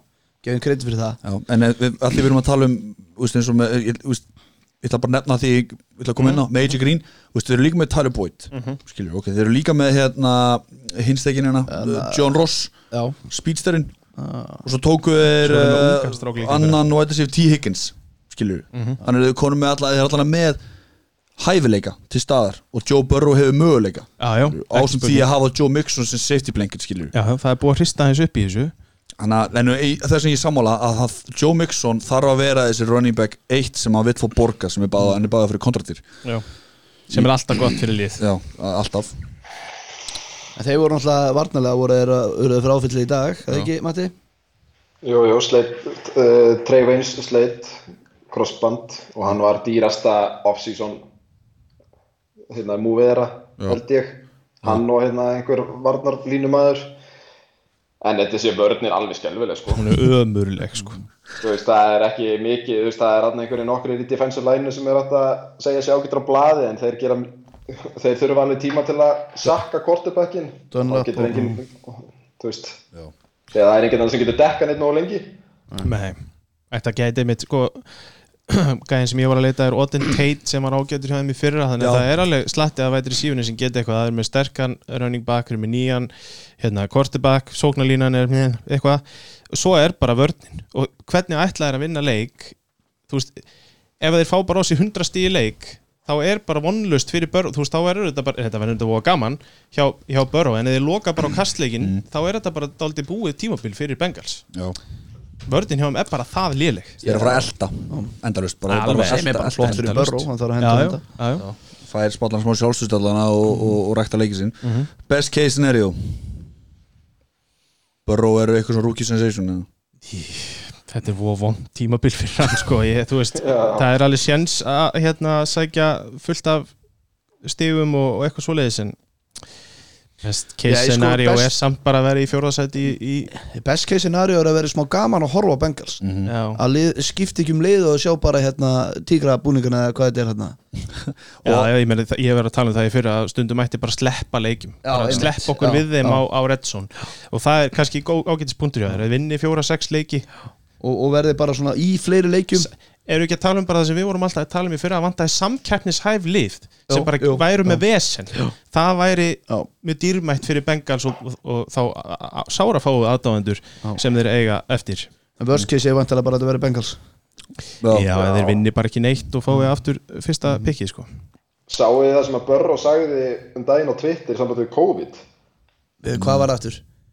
að ef að COVID hefði verið einn ára undan þá vissi enginn hvernig var Já, ok, Já, já, ég góða- sagði það ekki já, góða Tjöldar góð punktur, já Mjög góð mútur öðrum Já, pælir Það er að reyna að fá deildina á stað háskólabóltan Þú færð það ekki Joe Burrow Over under 5,5 mm, Undir. Under Under, ok Þetta er alveg easy under. meður Under sheets, ok uh, Förum í næsta reyl uh, AFC East Ég skal taka pakka, nei, patt Já, ég veit allt um það Var ég pakkað sér? East is least og ég allt er, það ég er hérna Jú, englega Petri is 12-4 þegar þú bara Ég tekið er að detti að vera Patriots aðdöðandi Ég er búin að grúska svo mikið í þeim eitthvað, og er alltaf eitthvað take og eitthvað. Ég, aðja, allavega, hérna nú er ég, ég er nú bara sp- ég æsist allur upp hérna. Nei, nei, hann er ekki, þú veist Ég ég byrjaði að skrifa eins og rúki hérna, sko Náttúrulega þeir verða að fá meira frá nýlöðun sem ég ár heldur en þeir fengu í fyrra Já Það var bara ekkert að gerast þar En Kiel Harry, hérna, náttúrulega Tíndur uh, Já, bara tíndur, bara því miður Og hérna, þeir Ég voru var svo búin að gleyma honum í fyrra já samt var eitthvað statsins að hann hafi náð mesta separation af öllum af ykkur um vætir sífurum í bla bla eitthvað tíma en það skiptir okay. gildmáli Já. en hérna Vinovits, hann var góður hérna etsin hjá mér fyrra sko rúkin en þeir verða að fá meira frá þeir núna Mm. og hérna og núna er það kannski rúkin til vots það er hérna, þeir tóku ásall linebacker sem að einu ástæðin fyrir nefnan, þú veist, þetta var ekki spennandi draft hjá Patriots Nei, nei, ekki frekar en venjulega bara Nei, og lýsi ég kannski best þegar það var myndavél á í heima hjá Bill Belichick af tölvu sem enginn satt við og hundurinn í sér að tíma en það var þetta ásæðlega Lambecker hérna hjá Anthony Jennings hann var hjá, að því að Seipan var að þjálfa hann hjá Alabama Mm. og það vantarlega hefur hann fengið eitthvað tips hjá besta vinni sinum Bill Belichick með hann Má ég koma eitt með að því þú segir Seipan að þið er búið að tala um þið er búið að flöta háskólasísunni þá er búið að tala um að háskólaþjálfari geti komið með svona smá backup inn í dildina Geti verið Verið svona sérfræðingar Ah, assistants í rauninni. Tjóðlega kúl, mjög svo kúl Það er mjög skemmtilegt, það getur alltaf bara eins og tími, típi svona eins og fyrir Joe Burrow og þess að gæja skilur að fá til dæmis kannski sinn head coach fyrrund eða offensive coordinator að koma að hjálpa liðinu skilur og, hjálpa og, og allt það Mjög áhugavert tvist í þetta, sammála því Já, en þeir dröftuðu svo, svo þennan pönt, þennan kikkar af því að Goskoski var náttúrulega hættið þeim eða ekki, Mm, en hann er farið frá liðinu, já hann er farin frá Er liðinu. hann hættur eða? Nei, nei, nei Nei, nei, hann var, kö- hann var kött að skáðast ekki hann hætti, hann belaði Já, hann er alltaf ekki í það lengur Það, ég meina, þú veist, það er alltaf, hann er búin að vera svo lengi hérna uh, Atvek Ásvísson Atvik Jósinsson, ég myndi segja að það væri þegar að Tom Brady fór í Tampa Bay Buccaneers Þú heldur það? Já, mér finnst það svona Það var svona að heyra aðeins um það, það, þú veist, það kom meira svo á vísir sko. Þú veist, það, það var það stort en, hérna, og ekki tveim vikum eftir en, hérna, að breyti er farin og, þú veist, og, og mér finnst bara stærsta atvöki off-season er líka bara spurningi hvað gerir Patriots eftir að Tom Brady er farin þetta er bara annað franchise og ég meina hann er búin að vera þetta síðan 2001 er það 2000, það er alltaf að hann vinnur titlinn 2001, held minni mig og hérna og ég hef það bara á tilfinningunni og ég er svo ógeðslega spenntur að sjá Bill Belichick á þessu tíðinbili því ég held að hann verði á yfirsnúningi, meira en vanlega sem er valla hægt til að bara sanna að hann getur dán Tom Brady Er einhverju leikmenn eftir til þess að nota í það? Það er er ekki nefnilega- allir búin að opta út eða farnir eða hættir eða sko, þ- það Já, er einmitt sko- sko, Matti, Sef, þú veist, gæði sem ég tók í sjöndarándi er hættur sko hann retæraði áður en að sísoni byrjaði Þú veist, þetta er búið að vera ævintýranlegt off-season hjá jafn stabilu liði og Patriots en það er ótrúlega þú veist, að því að ég er nú ekki yfirlýstur Patriots maður, þá komst ég að því að ég var ennþá minni breyti maður þegar að Newton kom þá var ég allt í hennu æstist ég allir upp sko, því að það er pínu spennandi Þetta er þetta er svona- aldrei mikið Þetta spennandi þetta er svona sko. tvílega peningur á þessu hérna, atvik off-season, þetta er náttúrulega annars vegar að breyti fer og Newton kemur Já. Þannig að þetta er að doppel vinkilega á þessu kjúbjumræðu Newton, Newton tilbaka er náttúrulega líka stu huge á off-season, Newton á en 700.000 dólara er náttúrulega bara frítt grín sko.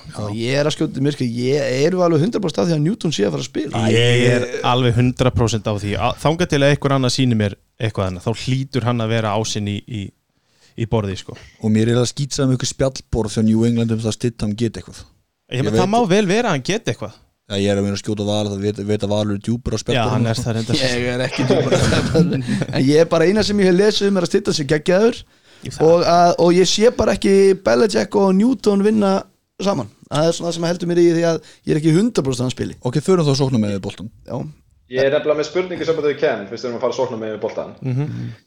árið 2018 þá var hann sem sagt, á var hann alveg semigóður spilaði 14 leiki var með 3400 hjarta 24 touchdown, 500 rushing yards og 4 rushing touchdown Mhm. í þessum 14 leikum myndi giska í 16 leikjum með Patriots sem er hann betri að verri með þetta lið, já verri, á pari já ég ætla að segja á pari þetta er verri maður þarf náttúrulega að sjá líka liðið hjá Panthers og svona. ég veit það ekki, já já, ég segi ég segi betri, svo við séum öll svörin já, þú veist, ég held að vera á pari eða betri hann er bara, Það, maður veit bara ekkert við hvernig maður á að búast við af honum það Nei, er nei. það basically pointið meini, þetta er þú veist, Patriots er, er óbáslega erfitt að ráða í þetta lið eins og vannarlega, og þetta er óvenjuslæmt já, og svo við, þú veist að því að við vorum að ræða það í fyrir síðast tíðinbili það var engin þjálfari á, á, á roster hérna nei, einmitt. Muni, það er alltaf eitthvað svona svo, já, svo einhvern veginn enda er alltaf einhvern veginn þannig að það verði einhvern veginn favorites yfir tímabili bara börn og barnabörn Já. Belichick sem eru að- það er einhver sendillana innan dyra á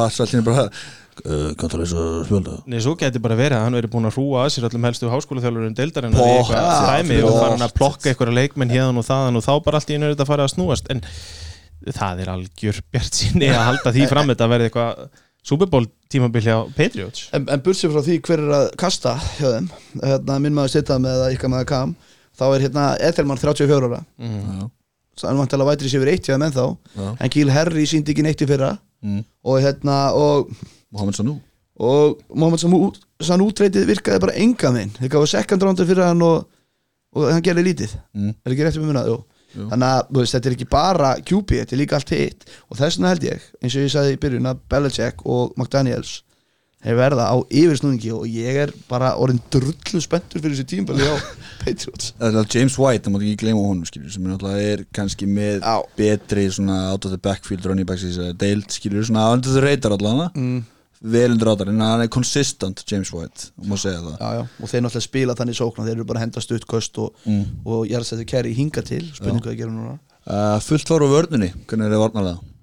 þeir eru bara mjög góði varnalega Það þó já, já, ég veit ekki, þeir eru hann að þú veist, þeir mistu hann eitthvað Kyle Von Noy er farinn uh, Hightower er að sitja út þetta sísón Já, Jimmy Patrick Collins. Chung er að sitja hjá þetta sísón Já, jú, jú, en ég, einhvern veginn, ég veit ekki, bara, á, kannski er ég að ofmynda Belichick, nei, ég held að það sem ekki hægt, en ég held bara að Belichick sé ekki að fara að stýra lélilu vörð til núna Patriots, hann eftir mm, Nei, nei, góða punktur Nei, nei, hann er, a- a- þú veist mér finnst það ólíklegt, ég er alveg sammálaður hún verður ekki eins góð og hún var í fyrra það er alveg bara, það er alveg það er bara þannig, þú veist, Hightower átt er bara hræðilegt fyrir þá, Chung átt er bara eh, þú veist, það er rosalega stórnöfn horfin úr vörðinni hjá þeim mm. en ég er alveg sammálaður, þú veist með Belichick, hann gerir eitthvað úr þessu vonandi fyrir þá en ég ætla aðeins að færa okkur áfram í umræðinni þetta sketsjúal, að því að ég var bara að lesa leikina, er galið það er ótrúlega erfitt og með að við að þeir áttu auðveldast að sketta hann í fyrir það, þá er þetta þetta er hræðilegt, Það er erfitt ég er bara að rúla hérna yfir þú veist, það eru fjóri leikir sem ég segi bara easy win og restin er bara svona, úf þungt sko, Þessi easy win er vantalega Jets og Dolphins Já. já nákvæmlega, það sem er bara nákvæmlega það sem það sem er bara konstant. og, og, og ég set reytis svo einn sem uh, poss- possible, po- possible win sko. en hitt er bara ógíslega erfitt Broncos og Chiefs og 49ers Bills, Ravens, Texans, Cardinals Chargers, Rams, þeir eru bara ógæðslega erfitt Erfiðast schedule Schedule. Erfiðast schedule í ár og það er bara þú veist, það er bara fráleitt fyrir þá Ég tekin það. Þannig að Best case scenario Þeir halda áfram að dómur hennar riðil, það hinn liðin séu bara ekki búin að gera nót til að vinna riðilinn Mm. að þeim Ok, og þeir fara í úslæðikeppina þannig ok og og þetta hérna, er bara þar út með já, sæmd. og hérna, ég sé, þeir fara ekki í bæ, ég er bara, það er ekki séns, ég ætla að fullera hérna, þeir fara ekki í bæ, Mm. vikuna, það verða, það verða Ravens og Kansas og þessi lið Mm. þar, þannig að ég held þeir fara í vældkart og ef þeir vinna vældkartleik þá myndi ég segja að þetta verið frábært tíðanbíl hann mm. Worst case scenario uh, Ah. breytir þessu, já, Page vinna ekki riðilinn það, ég meina worst case scenario er bara að lenda í þriðja sæti Bara að missa playoffs það er bara, já Já, er það, já, ég, þú veist, Ef þeir worst lenda í case þriðja- ef þeir scenario lenda í er bara, þriðja í AFC East, þá er mistað þeir að playa worst case scenario hjá þeim er bara að vinna sex leiki og bara vera í, og vita ekkit hver á að spila quarterback og þú veist, og bara bæði Kam og Stittam séu bara ekki tilbúnir það er bara alveg möguleiki, sama hvað spjallborinn segja um Stittam, þá bara, það getur vel verið að hann sé bara ekkit klár og Newton meiðist þá er bara allt komið í rugglegan sko. þá er bara Brian Hoyer to the rescue og allt komið í rugg sko. Over under is nýju undir,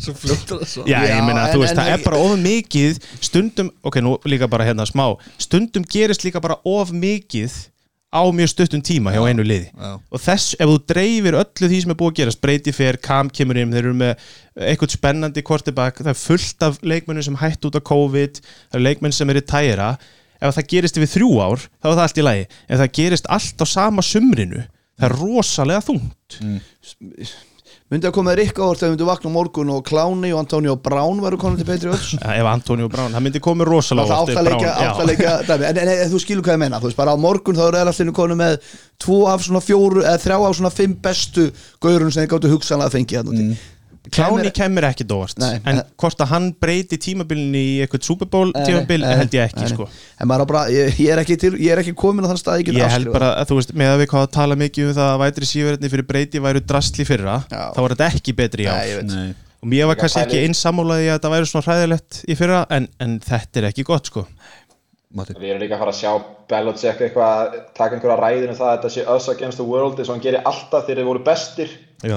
pæliði hvernig það verður núna, þetta verður nefnilega svakalegt pínulegt mjög Hörru, höldum áfram í uh, AFC East að næsta lið Það var ákveðið teimi hér sem að flyktist ákveðna lest Það er Það er bilslestin Yes, 10-6 baby New Kings of the East Nei, ég segi svona Buffalo Bills 10-6 Þú ekki bara að taka þetta kallið mín og ég taka það Herri, ég er alveg, við tökum þetta saman ekki? Félagarnir, jú, jú, þetta er bara eh, Þetta er bara svona ekkert ósvipað lið og í fyrra nema með kannski bara svona svolítið stórum skemmtilegum viðbótum já, og svo, svo við bara hoppum beint í sóknarleikin þá er þetta bara Josh Allen já, og hann er bara svolítið viðkvæmur eh, punktur í fransæsinu, þið skiljið hvað ég á við það er bara svona svolítið bjálg, bjargbrún og spurningin er hvorum megin hann dettur þetta er þunn lína Þetta er rosalega þunn lína og hann er bara svolítið hausverkurinn fyrir þetta lið. En Þeir bæta hins vegar við sér Stefan Dix sem er bara fyrir mér alveg rosalega mikilvægt af því að það var, mérna, við vorum að tala um það fyrir tímambilið fyrra að best case scenarioið væri tíu sigrar inn í playoffs og gera eitthvað þar Já. og þá voru þeir Stefan Dix lausir Já. nú er búið að, þetta er rísa púsli í sóknarleikin hjá þeim og nú er orðið svolítið að því að Josh Allen kastar ekki nákvæmt en hann ka- getur kastað langt og þá ertu komið með Dix og Brown sem er bara daldið spennandi og ég er bara mjög spenntur fyrir sóknarleiknum ef að Josh Allen kannski lagar það aðeins að vera ekki að missa boltan hér og þar og taka svolítið klaufalega rákvæðan Svo er líka coverarunni off-season atvikið Það er bara það, þessi- þessi, hérna, þetta- þetta dikstreit Já. Þessi viðbót í, í þetta lið sem hjálpa til Mhm. Í rauninni Josh Allen að hafa auka target með eh, kanónu á handlegg Ég hafa svona væg, Hvað ætti að gera, Matti? hann er á lestatennunum Hvað sem fyrir? hann bara, hann kemur inn og þú veist þetta er svo mikið meira en að auka breyttina hann er bara einn af topp vætri sífurunum í NFL-deildinni og það fyrir þá að fá þá inn fá hann inn er bara svo ótrúlega stert þeir voru 27. liðið í kastleiki fyrra þeir voru það liðlegir og þeir fóru samt, unnu samt tíu leiki og fari í playoffs Já. þannig að hendur Dix inn í formúluna bara hvað gengur á Matti, Matti minn. hætt að Er reyfa það þig hljóð hjá mér? Já, Ha? þetta er stóllið Stóllið mætti Þetta er stólli varst að marka þetta Nei, ég legði marka þetta, leiði þessu bara að vera þarna Höldum áfram, varna með yfir boltan Sko Getur þetta Afsakið hlýja Já, við erum komin aftur og Matti er búin að koma sér fyrir uh, Matti, þú ert örgulega búin að stilla upp stólu núna betur að ekki Jó, ég er með þess að komin í annan stól Þannig að þetta er ekki, ætti ekki að vera vesinn aftur Ágættar að beðast afsökunar Já, fyrir geðu kalli Allt í góðu lag, ég lifi þetta Varna með boltan Kalli, hvað erum við á bils? Við erum með síðustu tvö ár topp þrýr vörð deildarinnar og ég ætla bara að segja að það er bullandi sjans fyrir að vera besta vörð deildarinnar í ár. Þeir hafa reyndar mist sterka pósta en hafa síðan bara gert vel í því að sækja plástra á það og svo hef ég líka bara svolítið að trúa því að til dæmis Ed Oliver komi inn í annan tímambili sitt og verði bara nógu góður til að taka stærra hlutverk Samanlega því þeir eru síðan með okkamann Sean McDermott sem að ég er bara ótrúlega hrifin af og hann virðist geta bara búið til alveg ótrúlega sterkar varnir úr náttúrulega- þeir eru með mjög góða leikmenn, ég ætla ekki að segja þá sérstaklega náttúrulega sterkan hérna cornerback sem ég man bara ekki hvað heitir Tredavious White, já, White. sem er bara var próbólur í fyrr og er bara frábær leikmaður og svo er kannski líkillin, ég var aðeins að lesa mig til um það og það sem menn tala bara um, það er mikið hlaupið, það er mikið, þeir spila sónvörð, það er mikið svona fyrir því haft Já. þannig að það er spurningin um að vera með dýft og þeir eru með dýft, þeir eru bara með sjö- 67 leikmenn til þess að varnalínunni sem bara eru góðir og róterast og þá bara virkar þessi vörð ótrúlega spennandi fyrir þetta tíðanbíl, Bara endalus pressa endalus pressa Þú veist, það er ekki þreytist, ekki, ekki neins það er Nei. að frekar að þreyta sóknlína uh, Anna líka, bara fyrst um að tala um hérna Atvík Offsins, ég veit ég nefndi Stefan Dix aðan mm -hmm. Sean McDermott alltaf skrifa undir, undir kontrakt Já, Skilju, hann lengdi Það var alltaf viðbúið samt þannig Já, að en það sé bara, ekki veist beint það samt atvik, En já, það er töff, já, það er töff Töff að bara halda honum, skilju virkilega alveg ábyggilega, þú veist, náttúrulega bara þetta er bara enn og aftur, ef þú sleppur þessum gæði út á markaðin, hvað heldur það myndi endast lengi það er bara, við erum Já. að tala um mínútur sko. Nákvæmlega, nákvæmlega uh, Rúkin, já, hvað er að tala um þar? uh, ekkert óbúslega spennandi draft ekkert mikið af kannski leikmönnum sem eiga eftir að koma inn með eitthvað massa impact á þessu ári nema running backin sem takk í þriðju umferð, hann verður mikilvægur uh, Gore er farinn Já. sem er bara til haps fyrir Singletary nú fær Singletary bara að vera ásinn þeirra Já. en Zach Moss er bara svona ég ætla ekki að segja svipu típa en hann er, ekki, hann er alls ekki svipa á Singletary, hann er svipar til uh, Gore Já, og hann mun koma inn og, og, og hjálpa honum ég held ég að netta áður þess að Zach Moss sé svona þessi goal line leikmaður Já. Hann kemur inn og tökur tötstánir þannig að hann getur svona haft smá áhrif á fantasy value hjá Singletary Já, hann getur En gert. Singletary ber boltan upp völlin samt Já. sem áður, þannig að receptionin og hjartanin sem að telja þar um, Best case storyline vinna EFC Íst nú er bara bullandi sjans fyrir það og að taka bara EFC Íst og, og, og vinna það og eh, það er bara fyrir mér væri best case meiri sér bara að rúlla uh, tvo leiki áfram í og mögulega í championship leikin ef að allt uh, svona stillist rétt upp fyrir þá Ég meina Tennessee fór langaði fyrra, það er ekkit útilokað Nei, nákvæmlega En hérna, Er, ekki líka, fle- er þetta ekki núna sem við fáum fleiri playoff-lið? jú, jú, það er rétt sér Ég var að gleyma það En hérna, Worst case Ég- Má ég taka worst case? já, Svona- Ég er loksist búin að finna listan sem að ég var að leita að. Það var tekið svona quarterback leikt, eða, ferils uh, tölfræði og það var tekið þú veist completion, yards per attempt, touchdown percentage, interception percent- percentage og svona winning percentage. Vitið, viljið, viljið vita í hvað hóp Josh Allen er í? Endilega Við tökum bara svona tvo efst fyrir ofan hann og tvo fyrir neðan hann. Kyle Allen, Jeff Driscoll, Dwayne Haskins, Josh Rosen. Já, Þú veist, hann er alveg þarna sko, þú veist, ef þeir væri ekki með þessa vörð þá væri Josh Allen kannski ekki með, þú veist, alveg 100% starf í dag sko. nei Eða þú bara Þannig að hann er kannt ekki alveg gott að þarna, meta sko.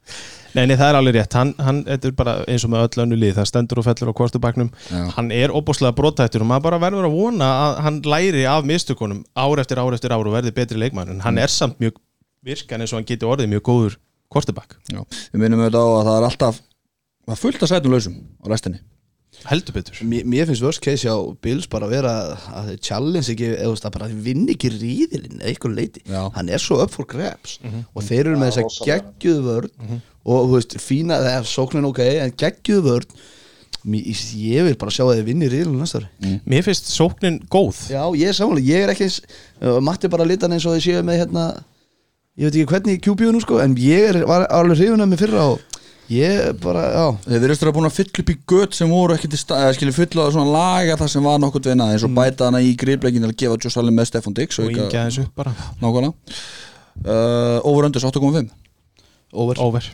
Over Hlýtur að vera over Já. Easy 6 er allan um, Höldur áfram New York Jets Hvað Það er tekur það Þú aðlur Já.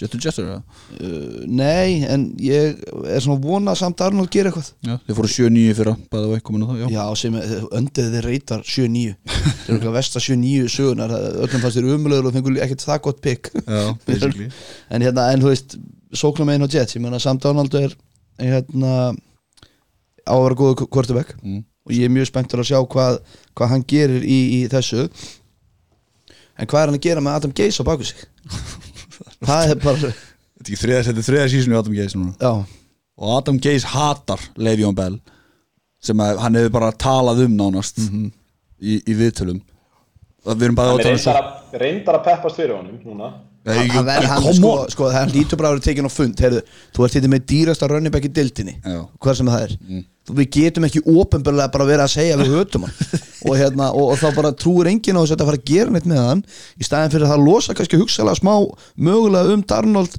ef að þeir fara að blokka runnið aðeins mm. ég veist ok, Bellin þetta feysaði mikið rönn Mm. en þannig Keis þarf bara að fara að hugsa sko. en hérna, Keis þarf að fara að hugsa en þeir eru búin að bæta sóknulínuna aðeins þarna eh, Jets ok, já, ég man ekki með hverju, ég var eitthvað að skoða um daginn góðu vinnu þáttanins já, Michael Beckton, Bekton og vinnur okkar já Hann- þú- hann er að fóla okkur og, hérna, og það er náttúrulega þarf að laga það bara sem allra allra fyrst hjá Jets já, það var það sem að Já. var svona lélega sjáðið mér fyrra í raun og veru og þú ert ekki hjálpa neinum eh, samt annald með því og líka bara Bell Le'Veon Bell Bell, þarf að klálega, þetta pláss á klálega. milli þá er Beckton okkur maður en þessi rummur Bekton, góðinu eh, þáttarins Góðvinur þáttarins. já, já, er hann þá að fóla okkur veist, er Já, að djóka? hann er að followa okkur. já, vel gert. en, hérna, en já, ég, eh, þú veist, samt annað verður að stíga upp og þeir verða hérna að- að fá okkur að sprengju og að hann geist þar bara að sína að hann sé góður sóknarfjálfur aftur Er lélæra vætri sífekor í deildinni en Jets er með nei, ég held ekki Skiptir einhverju máli hver er í sóknarlínunni Af því að hver, ætla, hver nennir að Jú. dekka þessa vætri sífera það, það skiptir, svona, þú veist sóknarlína er næst mikilvægast að staða á, í NFL að mínum veit Mér bara finnst þetta svo ógæðslega lélegir vætri síferar Hver er ásinn þeirra? Crowder Einmitt Í hvaða Það á- öðru liði það á væri að vera Jameson Benson Crowder ásinn? hvað segir Matti? það átti að vera Denzel Mims en hann, hvað hann segir maður mitti sig í hamstring Já. í gæri eða eitthvað þannig að Þá við sjáum hann er örugglega svona að eiga gott tímabil eftir tvö ár Já, ég er bara þetta er ótrúlega vond að horfa á þetta og það er það sem að ég hef ágjur af jú, jú, auðvitað skiptir máli að vera búið að bæta sóknlínu, ég ætla ekki að segja það, það er alveg rétt hjá þér en þú getur samt basically hlaðið bara múr fyrir framann running backin hjá þeim og, og samt annót á að bjarga sér með enga vætri sífur Já, eitt sann sem þetta var spennt fyrir og þetta er líka smá fantasíum búið, sko, Chris Hendon Já, hann, já. hann er tætendurinn aðeim, hann misti af allt síðast sísónu mittist og hann er núna onni ár hann á að vera mjög spennandi hann ára mjög spennandi og mjög gott, mjög gott prospekt og allan ef eins og best case er mm. ef, ef að gengur upp allan allan samband með Hans og Darnold einmitt Varna með boltan, Valur Sko Þú veist náttúrulega að við vorum að ræða þetta fyrir þáttum mikið Leiðtóa leysi Mm. CJ Mosley búin að opt-out mm -hmm. Adams farin til Seahawks Mhm. Bara hver er að fara að stíga upp og, og gera eitthvað þarna sko Hvað vera andlit í þessar afvörð? Ég meira getið þið nefndi eitthvað fyrir Quinn Williams hverju í vörnminni á Jets sem hnerraði og, nei, tjók, ekki að segja þetta Misti teinanum um daginn bæði Mist hann telum Já, þetta hann er kominn bros. Við erum svo sem að tala um einhvern lítinn frænd Herðu, svo var hann bara fyrir mestu framfarir En hérna Nei, ég Nei Ég, veist, er, er, er þetta ekki bara er þetta Greg bara Williams? lélegasta- Quinnen Williams Greg Williams, náttúrulega, Já. já, defensive coordinator Já er ekki Quinnen Williams þessi káti gæðin í viðtölum Jú, Jú, missti jú, við teinanum vorum að tala um hann sko En Já. Greg Williams, ég meina það er andlitið í þessari vörd og það er kortið sko. Ekki að falla andlit Nei, ekki, ekki fallið Nei, það er ekki gaman að horfa á það en þetta er bara óbúslega muniði hversu lélega vörðin hjá Giants var í fyrra Mhm. þetta er bara líkt Ég er að segja það Nei, Þetta er Lykt líkt, að ég er þessu. sammála því Ég er sammála ég, því ég held að sé bara versta vörnin ég held við gætum bara verið að horfa á, á ævintýralega slæmt tímabil Já, en sko, núna fengur þessi föstrándar hjá Seahawks Þeir eru alveg svona prime til að fara bara í rebuild, full rebuild sko. ég ætla að vona það og þá að þeir losi sér við Geis Já, ég sammála því hann er bara það er svona Freddy Kitchens líkt af þessu bulli sem er í gangi þarna En sko, við erum að tala um að þeir fengu Joe Flacco og Frank Gore Vissið þið það?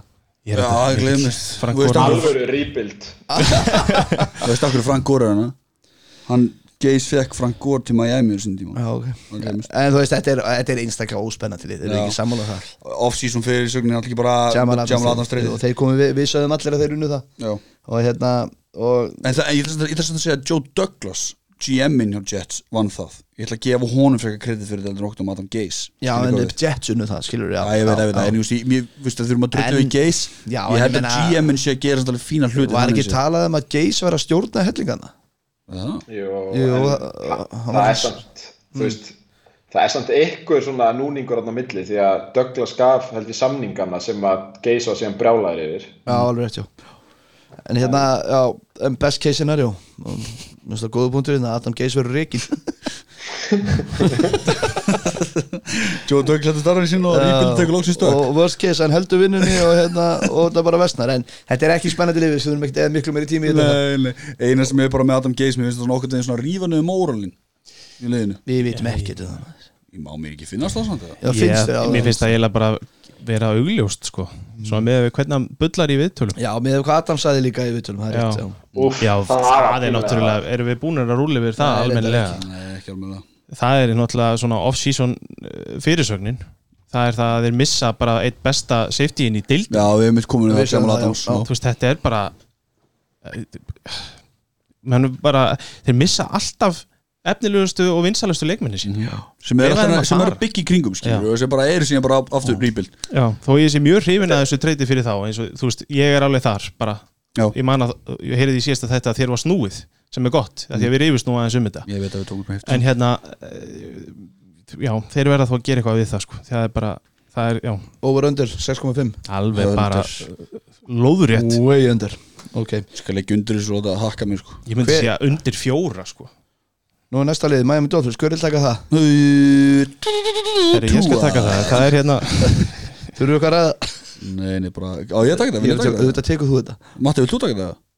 Nei, takk Meira fyrir mig, 511 Miami Dol- Miami Dolphins uh, The Culture Movement heldur áfram Svo við túa þetta í Brynjubæð nei Það er bara mjöðum en á nú er þetta teipan Þegjuðu maður uh, Sóknarlega Mike Sikki, tight end Þessi maður er bara byggður fyrir þessa deild Ótrúlega stökkur, það var spilaði körfuboltaðin í, í den tíð ekki koma með Þú varst þetta að horfa á mann, kasta til mann sem að yngi var að dekka Talk of the town í Miami, allar að Mike Sikki sjá, sko, ég vildi að þeir sem er að hlusta getur séð hvað þú ert asnalegur snögg uh, Fríki síðan maður sýndi flottar rispu á döpru tímbili Miami fyrir Ég heldur svona okkur saman um það Já, og státtan ég og mínir menn hérna í Var þetta þetta abur tíðumlega Miami? Ég er ekkert alveg sammála því Mér- Þú veist, miklu betur en allir heldur að það er því mér er byrjunina, vissulega var þetta væntingastjórnunni byrjun Já, já, já, já, já, Það verður að já, viðurkennast. þetta er alltaf byrjaði hróttalega hvað fenguð það til 150 stíg á okkur í fyrstu þreymur leikjunum 124, 12 eða maður rétt Já. Já, það var stíðskóri í leikjum En svo bara endið ágætlega og Brian Flores bara,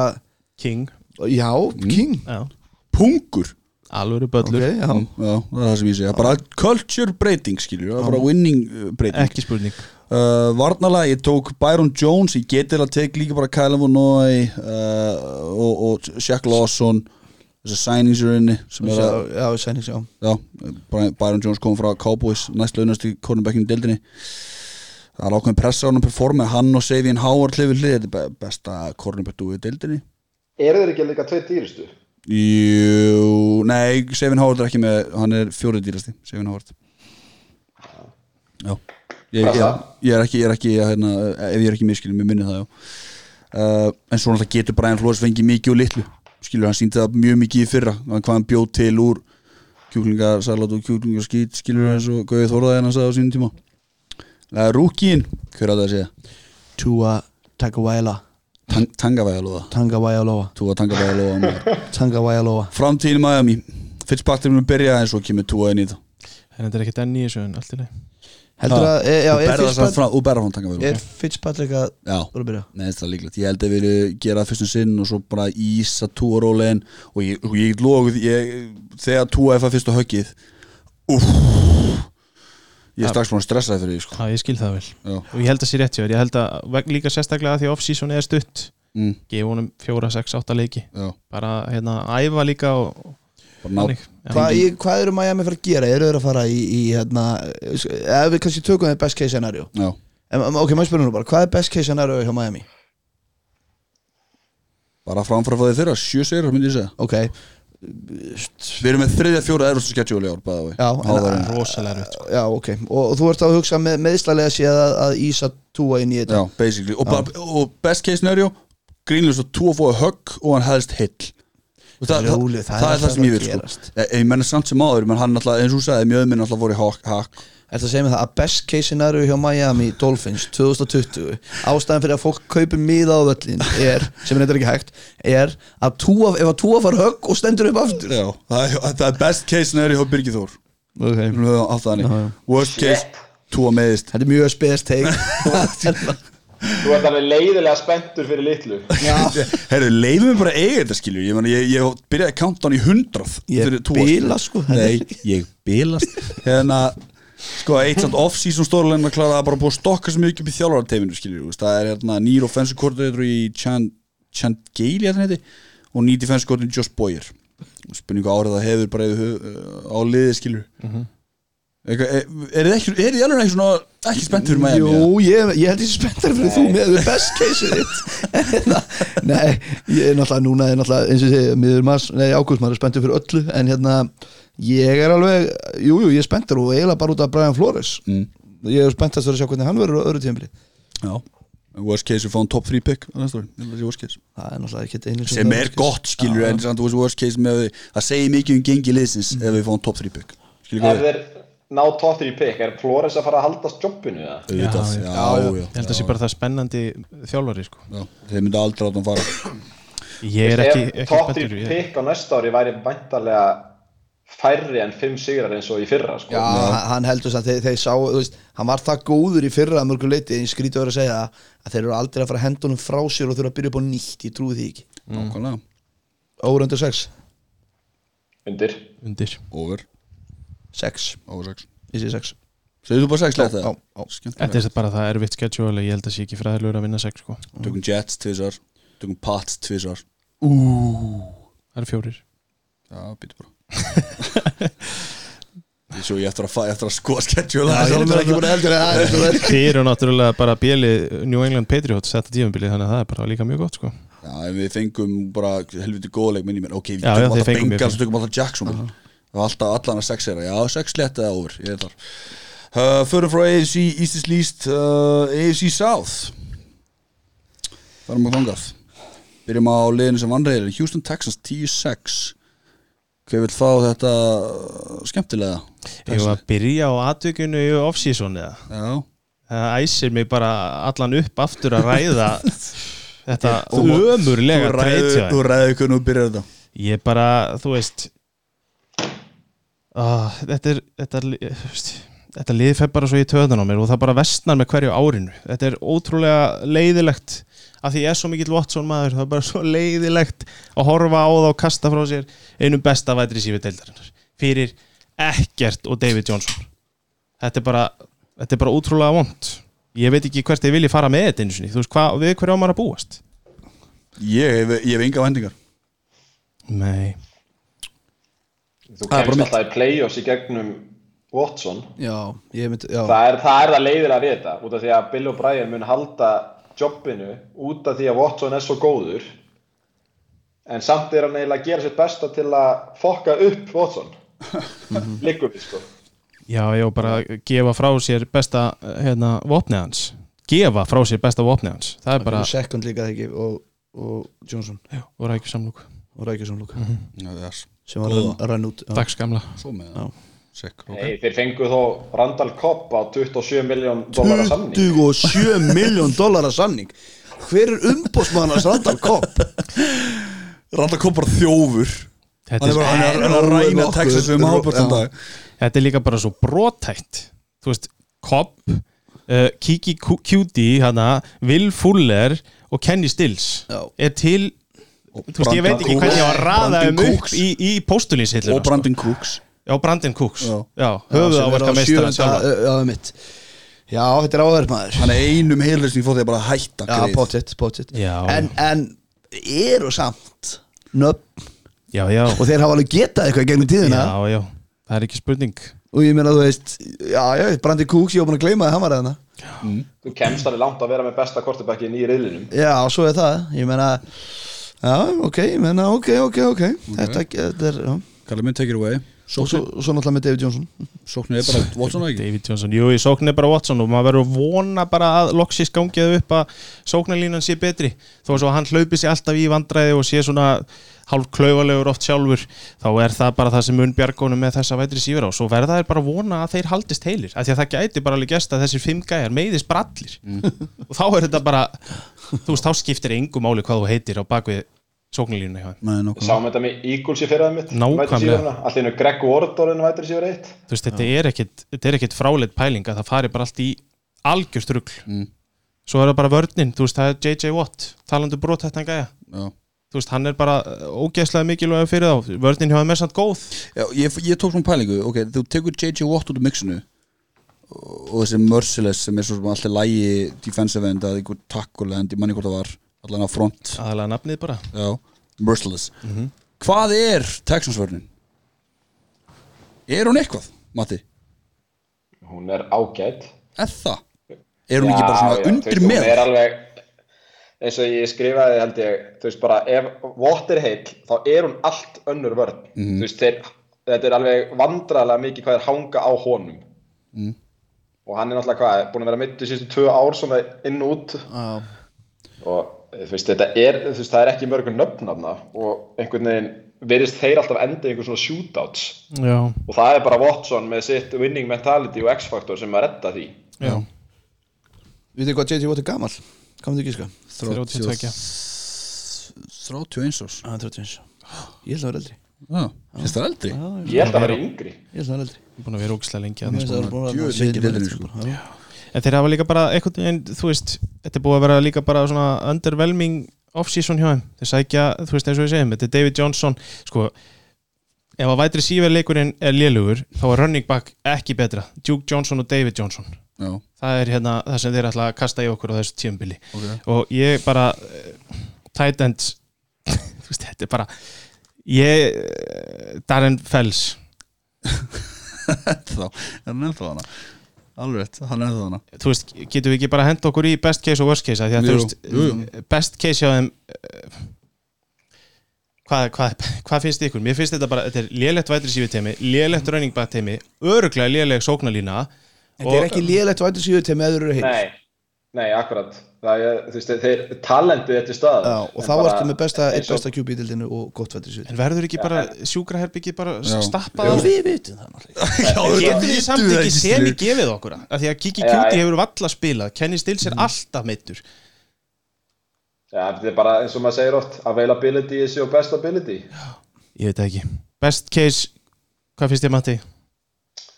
þú veist á maður að segja, þú voru að segja tap í AFC Championship Nei, Jú, jú. nei, nei, nei, nei. Jú, bara jú. út af Watson Já, Og, 100%. þú veist, það er bara út af honum Já, já. engu öðru, þú veist, það er bara ef að þeir vinna þú veist, Ravens 49 47 í einhverjum classicer sko. Mhm.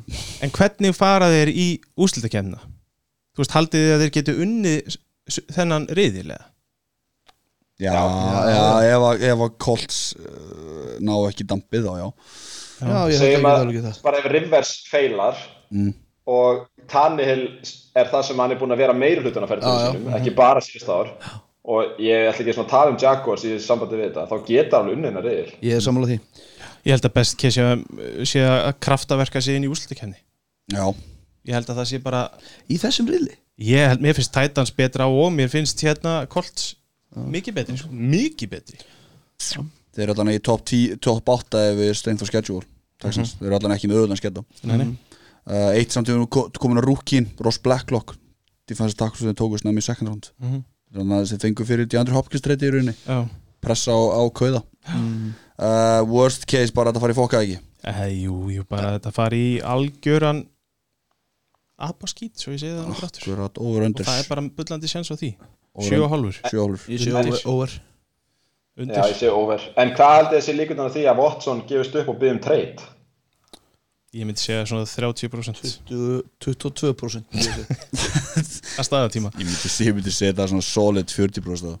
Það er svolítið mikið. Nei, ég meina hugsið þið samt Hversu mikið, hversu mikið getur tekið af þessu bullshiti? Money talks, maður. Já, nokkana En, já, Ekki hjá Brian Flores Það er hjarta sem skiptir máli Já, því að þið hefðu ekkert verið að overpaya leikmönnum, viðlúsleikmönnum Hjálpar auðvitað að geta borga uh, Over 7.5, jú, ég, jú ég, ég tek alltaf overs á, þessu, á Texans Það er bara þetta Watson Búið að segja þetta svona Watson sjö hleypir sinni aldrei Ég sé- liðinu sínu í Já. undir 500, sko. Nei, ég held ekki Jú, í, í, í ár þá gera, gera hann það Já, já, ég meina já.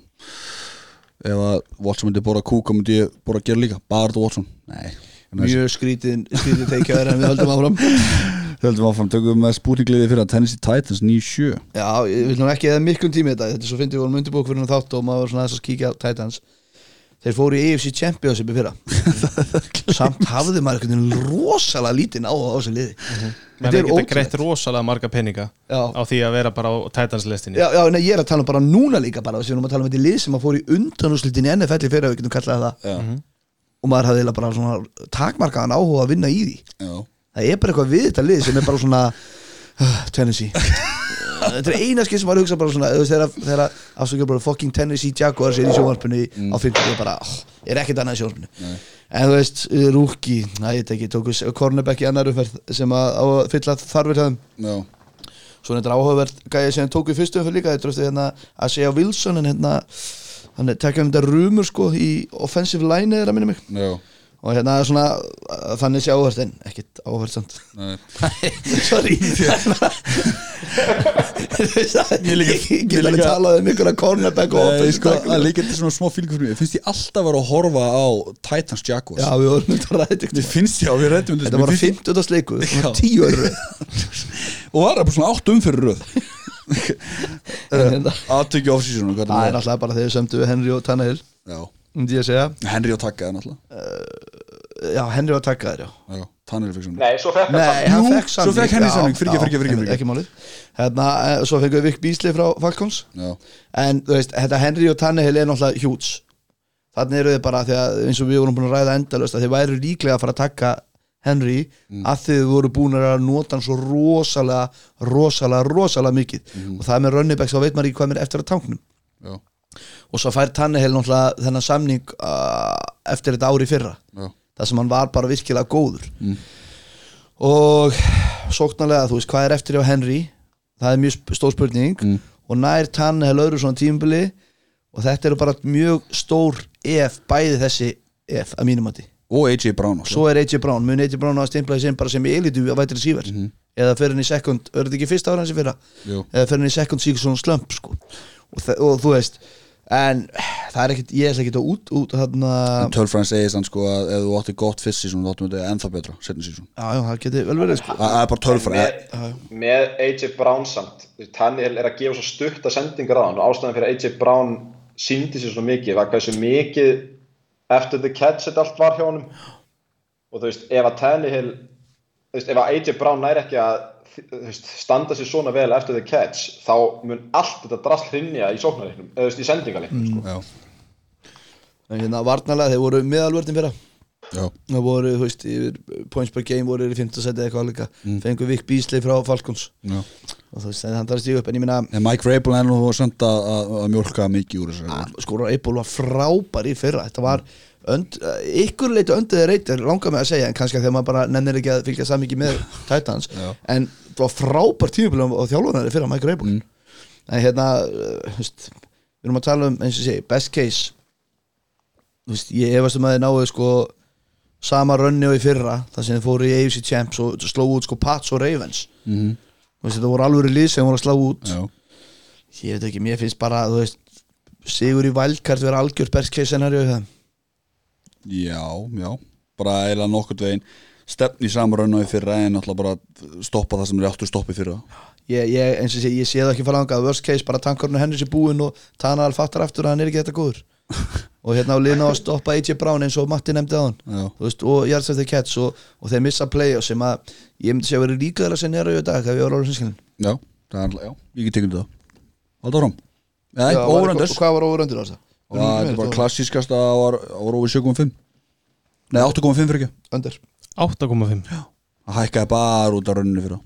öndur 8,5 er svolítið vond tala þannig að ég ætla að setja á öndira því að það er alltaf betra bett en ég, mér finnst þetta að vera næst besta liðið í þessum riðli ég held þeir eiga að fara í wildcard Er það? já, Býtu bara til að fara að heyra um kolsmaður nei þeir eru besta liðið í þessum riðli Já, þú meina það, já, já, já, Það er- ok. það er mitt næsta lið hjá Já, skemmtilegt Matti minn, viltu ekki fá Indianapolis Colts 7-9? sko. Jú, Jó takk fyrir það en hérna, það er bara sá rúki sem ég er mest spenntu fyrir og ég er búin að tala um það áður mm. ætla bara að byrja á honum það er running backin Jonathan Taylor sem er treytið upp fyrir í second round, early second round til að ná sér í og þú veist, allir sem að halda að Marlon Mack sé eitthvað point, eitthvað starter eru bara í sásblekkingu um leið og Taylor fær boltan þá, muna, þá er ferillin hjá Macki hættu hjá Þetta er Colts. ósængjarn, Matti Það er bara þannig, þetta er bara það mikið prospekt mm. Gæin er, þú veist, eitt af betri running back prospektum síðar ára Þú veist, það er bara ekki búin að tala nú mikið um hann út af því að Clyde Edwards í ler fór til Co- hérna, Chiefs aðna rétt áður mm. og fær bara starfið gefins eftir að Williams optaði átt En Mér finnst það að fara ítla með Mark Mark er góður rönnibæð, sko Hann er góður en ekki svona góður Ok, ok, nú, og þú vilt að bestu menninni spila hárétt hjá þér Það er oft þannig nefn með svona sport Það er oftast gaman að það er bestu leikmenninni spila sko. Ég veit ekki hvað þú veit það Ég veit það En bara í sambandi við Taylor, þú veist, við sáum náttúrulega allir myndir af hann á Twitter um daginn. Þetta er bara skrimsli og sem Nas. getur hlaupið samt hárólega hratt með það við. Það sitt ykkur Þetta er bara nasinningur, þetta er fárun að sjá hann sko. Mm. ég er mjög Og spennt það fyrir er- að sjá hann E- Engi running back í sögu college hefur átt 2000 eða fleiri all purpose yards hver, hverju ári á sínu ferli, sko. Þú Nefna hann veist, bara hann kom, hann kom inn í college og átti bara 2000 hjarta og þú veist, ég veit ekki hversu mörg töstan gæðin átti, þetta eru 50 töstan eða Já. eitthvað á þreymur árum. En En- líka með þetta ólæn fyrir fram á sig Já, besta ólundildinni Þetta, þetta, þetta verður bara eitthvað nautahjörð Og það var eitthvað að vera að posta á æfingundagina sem að Taylor hljópa eftir Quinn Nelson, eða ekki Eða hann að, það ekki Og Það var eftir að Þú veist, gera Þetta sér getur bara skemmtilegast að dúa í AFC. E- Ein pæling þannig skilur, þú veist eh, Hvað er, hvað er svona Þetta eru svona 5 fermetrar fyrir fram á Jonathan Taylor Ok, Þetta er heilt andiri Ég vil ekki segja það, ég vil ekki segja svona basic andir á íslensku heimili sé svona 5 fermetrar Ok, halda frá Hvert er það að fara með Ah, þessu? Segðu bara meðaltali. já eða nei. Segðu bara- Eh, Já, ég myndi segja að vera öllutist þær já Öldust þær, ok, það er svona lítið Nei, anddyri. ok, segjum það, já, Ok, fimm fermetrar. Meðalandir er litlu heimili Ok. já, Það er heilt andiri að búti pláss fyrir Jonathan Taylor Quinn Nelson, eða?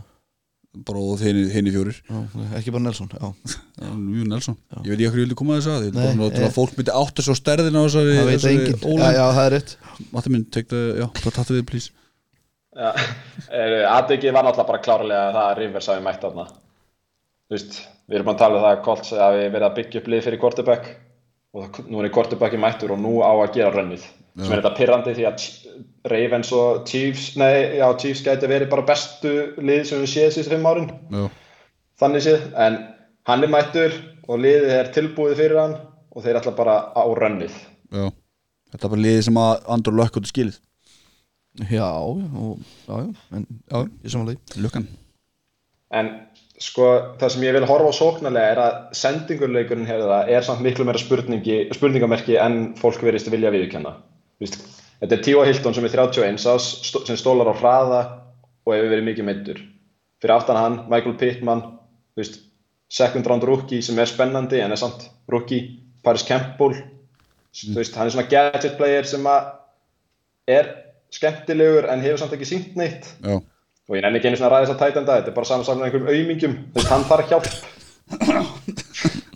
vá, fallega að fara með stöðuna Já, en um, þú veist, það er bara Rivers er svona hvað maður að segja, quarterback sem þarf meiri hjálp en aðri svona top quarterbackar já, og mér finnst eins og hjálpin er ekki beint til staða, þó að það sé reynd að gera það þá finnst mér hún ekki alveg vera tilbúin fyrir hann, þú veist Ég er bara alveg innilega sammálaður Mér finnst þetta afskaplega ómerkilegur uh, vætri sífira hópur Mhm. og það vantar alveg einn bara, ekki einu sinni miðlúks, það vantar bara einn svolítið góðan vætri sífir í þetta liða því ef að tífa í Hildón meiðist sem hann áða nú alveg til að gera Mhm. þá er þetta orðið bara svolítið vesinn alveg eins og þú segir, Filip Rivers er ekki að fara að hlaupa neitt fyrir á, þú veist Gefðu hvaða QB og vætir sig við hvor sem er 5 auka sekundur, 4 auka sekundur, 3 auka sekundur og þá ertu komið aðeins betri vætir sig það- en, en, en Já, þeir lítum það, það, er, það er eiginlega það sem þeir verða líka að vonast eftir að gangi upp hjá hann, sko. ég, já, ég er mjög spenntið fyrir Pittman Ég held að hann verði uh, stóri ár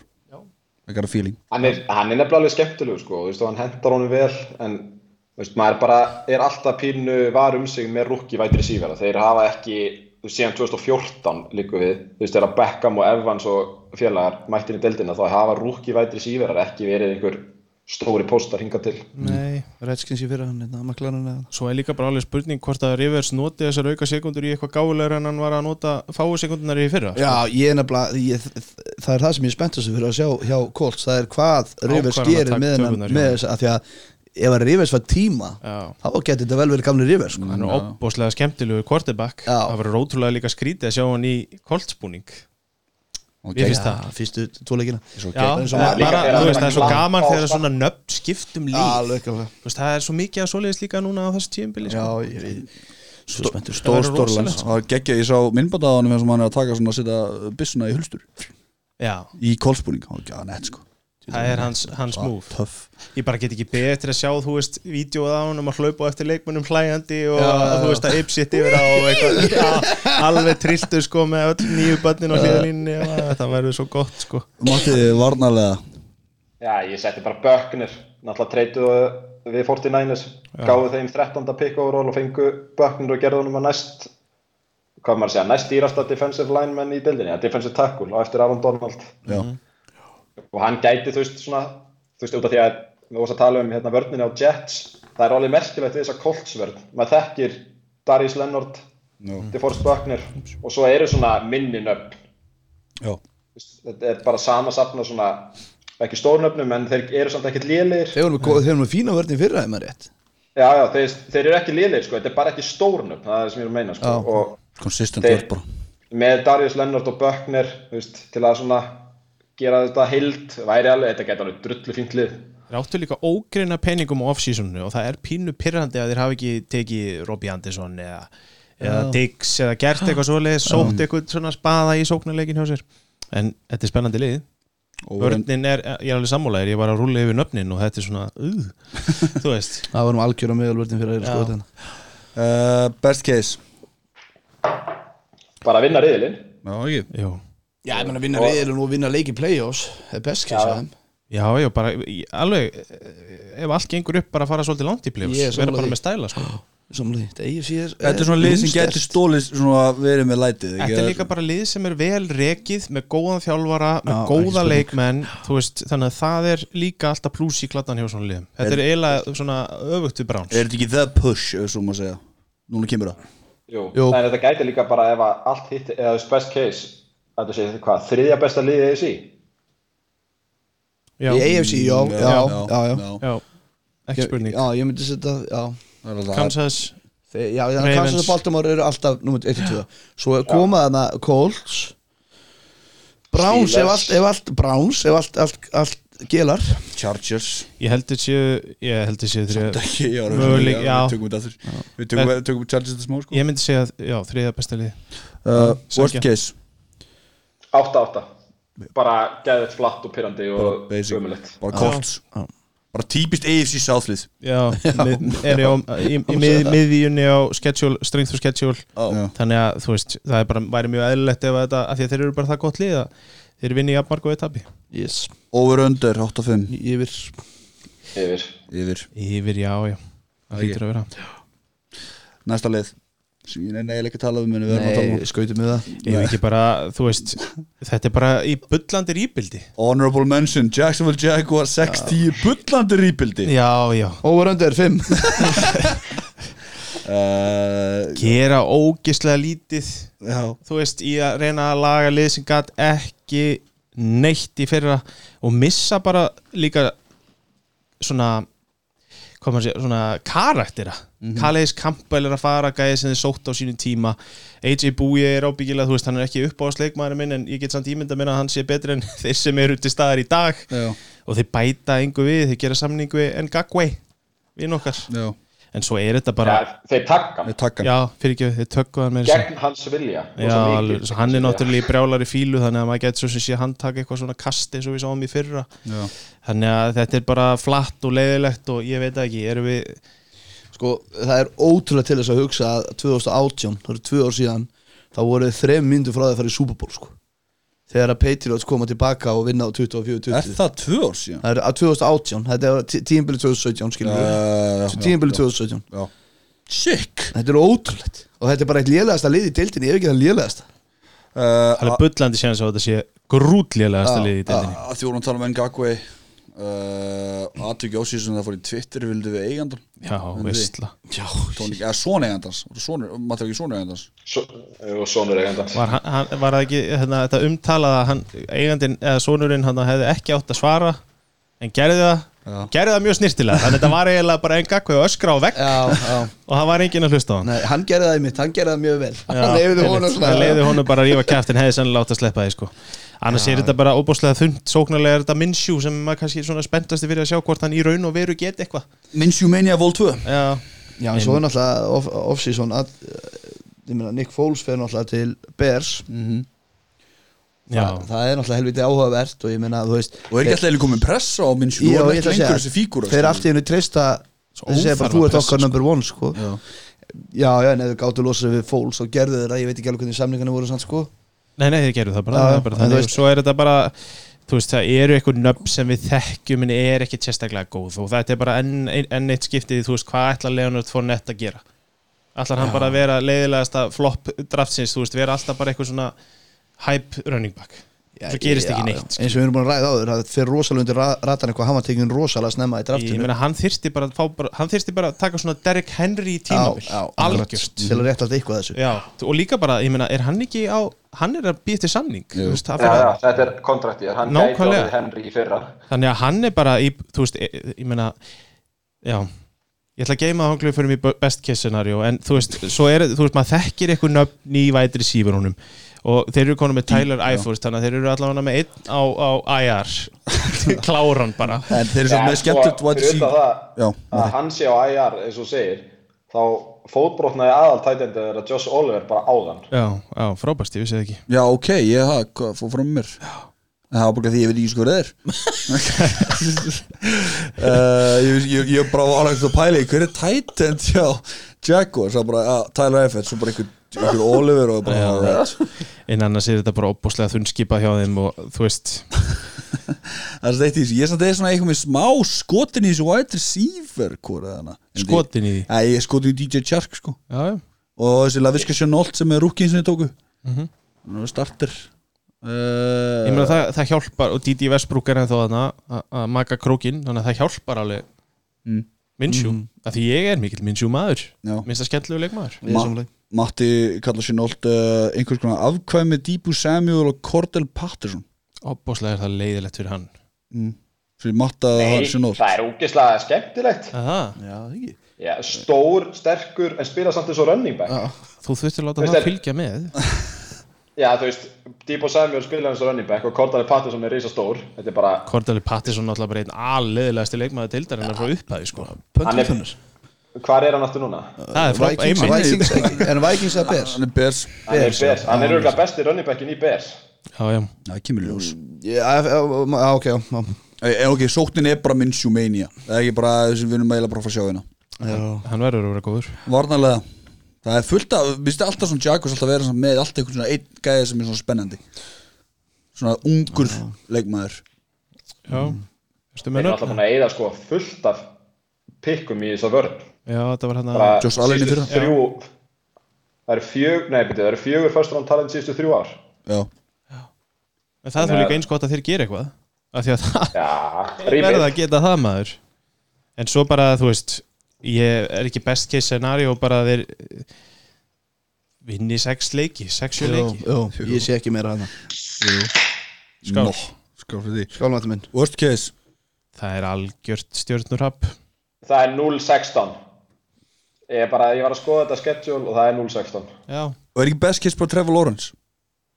Úr því jú það er enda frá, er ekki best case scenario hjá þeim bara Trevor Lawrence Jú og, fá, og svo treyta þeir minnsjú fyrir eitthvað ágætis pikk eða láta hann vera backup, það er með góðan backup fyrir Trevor Lawrence á næst tímbili það er alveg ljós í myrkrinu þar sko Já. en þetta verður alveg glata tímabil hjá Jacksonville, heldur sér bara að skrifa í skíin Já, já, over under 5 einmitt Under, under, under, under Undir já, ja, já, þetta gæti verið besta bettið eh, fyrir fólk Já. sem já, að nenni því ég, það eru nokkur hérna sem við erum búin að fara yfir sem eru bara svona, það væri geðveitt að geta bara hrúa þeim saman, Já. skilur við, að því að þú veist, stu, ég með, hugsa með þess að stuðlinn og undir sé bara eitthvað djóglás þú veist að takið því ekki einu sinni að setja það sko Æ, það var gakk Förum frá þessu höldum áfram í AFC West is best Það var í súbúlmestranir Kansas City, Besta liðdildinni 12-4 Já, þetta er besta liðdildinni Sóknarlega Patty Mahomes Terry Kill,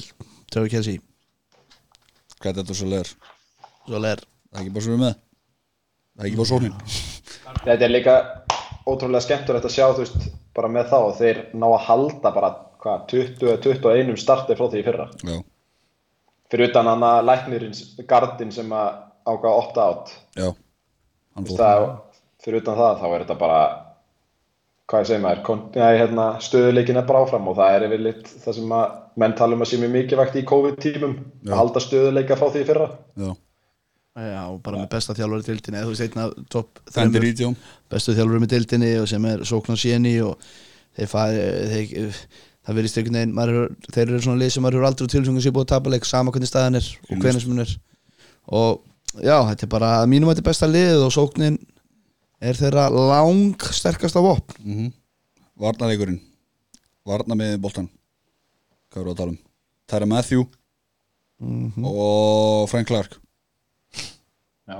Það er ekki, það er ekki bara eina, það er eina sem ég er með sko Ég held ég hef ekkert meira bara þeir, vörðin þarf að vera eh, be- svona í miðlungs Já, hún má ekki vera lélega eins og hún var fyrir uh, ekki síðasta tímbil, tímbil á Síðan undan, undan, já. það var þeim að falli og hún, ef hún er miðlungs eða betri þá bara, þú veist, er þetta langt besta liði í þessari deild það er ekki vörðin að vera nóg lengi úti til þess að kvíla í rauninu sóknina jú, eh, jú, það er eiginlega frálegt að segja það en það er eiginlega eða öfugt samt já, ég held að það er ekki Sóknin- sóknin, Jú, sóknin, sóknin þarf að vera inn, inn á til að kvíla það er ofta að tala um það sko, En sjáðu hvað að gera þarna Snýrið við óvart en Óvart. hérna en rúkið, það er ekki líka greinlegt Klæði Deadus að leir lir, Það er eh, spennandi leikmaður ru- running backin sem við tóku hérna í Í eh, fyrstu umferð nýlega valsins já, bara ok hendi góðum rönnubæk inn í frábæra sókn Mhm. það er ekki margir rúkjar sem að eða, jú, jú, það eru þetta einhverjir rúkjar sem kom inn í svona en, en hann kemur í einstaklega gott umhverfi Mm. og first round running back á að geta gert eitthvað í þessari sókn það er bara þannig Mjög mikið já, Allan að spennandi að sjá hvað Ég hlakka til að sjá hvað hann verið tekin í, í fantisteldum uh, á næstunni það er áhugavert Ekki þú, nei, þetta jú, ekki jú, ég ætla að kalla til það til þess að- Nei, þetta er bara svo gott líð, það er allt svo gott að ná, þannig að það hjálpar að vera með Patrick Mahomes að því að hann gefur öllu drastlinu sóknarlega bara 10, 15, 20% ofan á getu Já. og það er bara þú veist, ég, já það er bara svo gaman að horfa á þetta liðið spila þeir gætu tætt Mm. þetta tímabil í sig sko Best case scenario verja til Já, já, worst case scenario verði ég ekki titilin Sko worst case scenario er eiginlega bara AFC Champions blikur finnst mér já Nei, þú veist, þú veist, Það er að segja að það tapa þar sko já, Worst case er náttúrulega alltaf eitthvað skita en, en Auðvitað. ra- raunverulega eins og þú segir Já. þá er ég alveg sammálaður bara, það, það er bara, Ef þið tapa fyrsta leiki í, í playoffs það væri bara worst case scenario hérna. já. já, þeir fá með með hennar þess hóp og já að miðlungssketta og bara eru í fínum málum þar þannig að þeir ættu að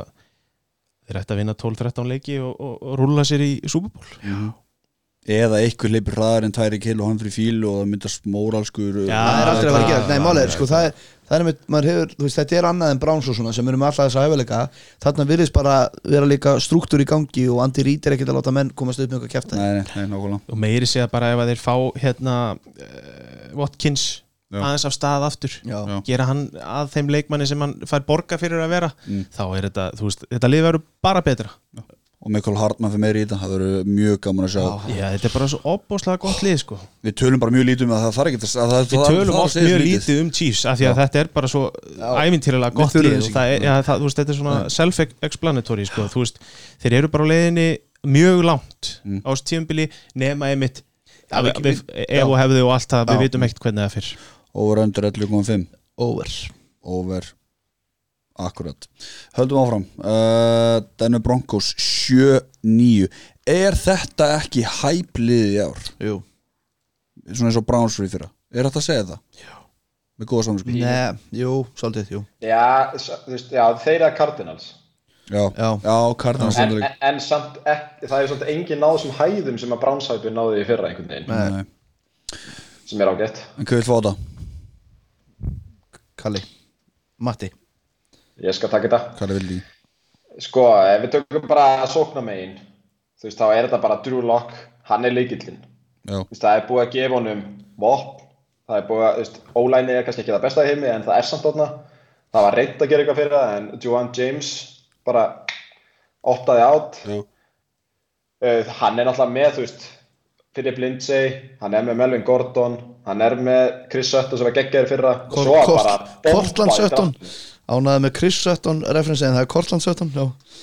Já. Sorry, ég var að koma að þessu, sorry, ég var blackburn maður Ok, alltaf hún Já, allavega, það var bara bomba í rúki það var bara Jerry Judy, KJ Hamler og Albert Owen sem það kallar ég ætla ekki einu sinni að reyna að taka hérna, setnarnafnið nei svo var Melvin Gordon, Melvin Gordon sóttur og bara, þú veist það er fullt að gæjum af það, en þetta er samt spurningamerki Þú já, já veist, það er ekki Odell Beckham fengin Nei, eh, en spurningumarki er náttúrulega quarterbackin Aftur Drew Lock Drew Lock er spurningumarki og fyrir aftan ekki það góða sóknunum þannig sé sko þetta er bara ennett John Elway quarterback testið Já. finnst mér ég, ég finn þálikt af þessu en ég er samt rosa hrifin af Drew Lock ég fannst það sína fína sirpur í fyrra Samanlega því Þannig ég er svona lakka til að sjá hvað þið gera með þetta og svona hjálp mikið varna með boltan Matti já, það er alveg fínasta börn þarna, líka Bradley Chubb kemur aftur mm. hann og Von Miller gætu orðið eitra kombo Já, með Vic Fangio til að stjórna þessu Þú veist, Jöfn náttúrulega sleit crossband í fyrra en þú veist, ef þeir ná ekki sínum hæstu hæðin þá er gætið orðið svolítið erfitt þeir eru með, hérna, hvað heitir hann Simmons safety sem er tökkuð Já. hann er virkilega góður já, en svona fyrir utan toppana þá droppar þetta rosalega hratt einhvern veginn finnst mér Þú veist, þetta gæti orðið geggjuð vörn ef að po- eh, stærstu póstarnir hitta en ef þeir ná ekki svona sínum bestu leikjum þá gæti þetta alveg orðið erfitt fyrir lokka að þurfa að elta já Líka bara öll, öll pressan og lokk, það er engin backup kortebakka hann sko. ekki Flacco fór og er á og hana, meittur hjá eh, Jets Já. þannig að er þetta ekki Jeff Driscoll? Jeff Driscoll er, er ungi og öfnileg Mhm, þannig að, en ég er óbúslega spennt fyrir þessu liði, ég er ekkit brjála hæpaður, en þetta er samt þú veist, þeir eru búin að bæta skemmtilega við sig og svo er þetta, ég veit ekki hvort maður á að segja að þetta er svona, mér finnst þeirra pínu varnarlega fyrir utan toppana þá er ég svolítið týndur þarna eins og með kolt varnarlega Mm. en þeir eru bara með svo ógeðslega eins og þú segir Simmons, Von Miller, Bradley Chubb þú veist, þetta eru alvöru bellir sko Mhm. og ef að pressan virkar frá því þá er aðeins auðvildar að vera ekki með brjálæðislega sterka vörd fyrir aftan Nei. eða ég skilji hvað ég á við Já. þannig að það er fullt til í þessu denveli og sóknarlega bara svolítið skemmtilegt sko. Svo þegar Vic Fangio er þjálfarinn þá einhvern veginn, hefur maður ekki eins miklar ágjör af vörðin Vörn- nei, alls Ég, ekki þú veist, hann, ef ykkur getur stýrt í þá er það líklega hann Já, sko. ekki spurning 100% svo er bara spennandi að sjá hvort Melvin Gordon er að tæti í sig annað lið og eðilegja allt hann annað tíma Ró- Róum okkur, róum okkur hann, Við erum ekki, við erum ekki miklir MG-menn ef svo má Nei. segja Ég, þú veist, en Hann reyn, getur reynda að redda Filip Lindsir rísa samningu sem hann gerði fyrir Ekeler já, Mm. gæti Hann gert það redda bara öllum öðrum góðan samningur með sjálfum sér Philip Lindsay er vannmöndin Rönnibæk að mörgu leyti, mér finnst það mjög skemmtilegur hann er, hann er kvikur og svona sko og hérna, og ég er spenntur að sjá hann en ég er líka spenntur að sjá Melvin Gordon í nýju umhverju þar sem hann er ekki, þú veist, er ekki búin að að holda át og svona, hann gæti alveg átt hörku tíðanbili ár sko, Austin Eckler og Philip Lindsay eru alveg ótrúlega líki leikmenn þegar út í það er að hugsa sko. Samt Lindsay grípur ekki af mikið Það er alveg ótrúlega magna með hvernig hann lítur út mm. Maður heldur að hann ætti að grípa miklu meira En hann gerir það í rauninni ekki sko. Best case bara drúlokk tekið framförum það ekki og hérna, og þeir fari í play-offs þeir með, með þetta líkið drúlokk fari í play-offs Valka- Genú Valgardi er náttúrulega, það er auðlust hver er að fara að vinna hann reyli, þetta sé nokkuð já, gefins já, að- en, að, þú veist, En, já, já, það er Valgardi bullandi sem svo að taka hann að setið já, ég, ég er samanlega því Valgardi Worst case worst case er bara true lock virk ekki sko, það er eiginlega það það er bara, það er eitthvað að skýta 5-6 leikja Mm. tímabil og þetta fari í va va vaskin sko Mikið sett á hans herðar svo sem að Já, segja. þeir eru líka búin að gera svolítið mikið Þeir eru Já. búin að sækja leikmenn sem eru spennandi og svona aðeins breyta til og þeir eru að fá leikmenn tilbaka á meðslum þannig að það væri leiðilegt ef þetta færi í, í hundana hjá þeim sko. Jerry Judy náttúrulega geggjaður líka Já, og þetta sé verið bara smá svona Hann kasta er þeim í- ógeðslega góð sko. Körtland Sutton og Sutton Jerry er Duty geggjaður, sko. saman ef að Drew Lock gengur upp þú veist, Sörtun með er alveg Tvo þrjá fína running backs Þú veist og KJ Hamler líka sem fengur líka rúkin Já. þeir, veist, ég, ég, svona, þeir tveir svona eru svona rúkin eða svona hjá Já. Broncos sem er svona vertað á auga og KJ Hamler og Jerry Judy Mér langar bara ekki að spennast of mikið upp fyrir þessu liði en Nei. þeir eiga samt alveg að að geta komið sér í playoffs overöndu 7.5 over Já, við verðum að setja óver þá eru að taka over eða? Ég er náttúrulega ekki múin að skoða sketsjulega en ég er alveg spenntið fyrir sliðu, ég ætla að sjá þér þeir eru í 12 Þeir eru með svolítið erfitt þeir eru ekkert mögulega Ég skemmt ætla að segja öndir Samt ekki út af því með langaða Þú veist, ég ætla að segja 7 svona öndur rökin myndu vera undir bara að þetta er, þetta er leiðilegt tala en Já. ég held að þú veist það er bara það mikil spenna í þessu liði og ég er mjög mikil Vic Fangio maður Já. að þeir fari yfir Ég held að bara þið 50-50, já 500, ég held að, en já Áfram gag Nákvæmlega, áframgag, höldu áfram, það er næsta lið Það er ekki Oakland Raiders, það er Las Vegas Raiders Það er rétt 7-9 uh, í fyrra Ég vil fá Gruden and the Boys Þú fá það, Valur Já, ég held að það okay. Og hérna, sko, ef við byrjum aðeins á rúkjónu sko, þá tóku þær helviti spennandi vætir síver Tóku náttúrulega rögg sem fyrsta vætir síverin sko, sem er mjög spennandi og getur verið svona það sem ég kalla slant skrýmsli Henry Ruggs Já, Já. Og, og hérna svona go long leikmaður Já, það er beint frá hjartanum þínu eða ekki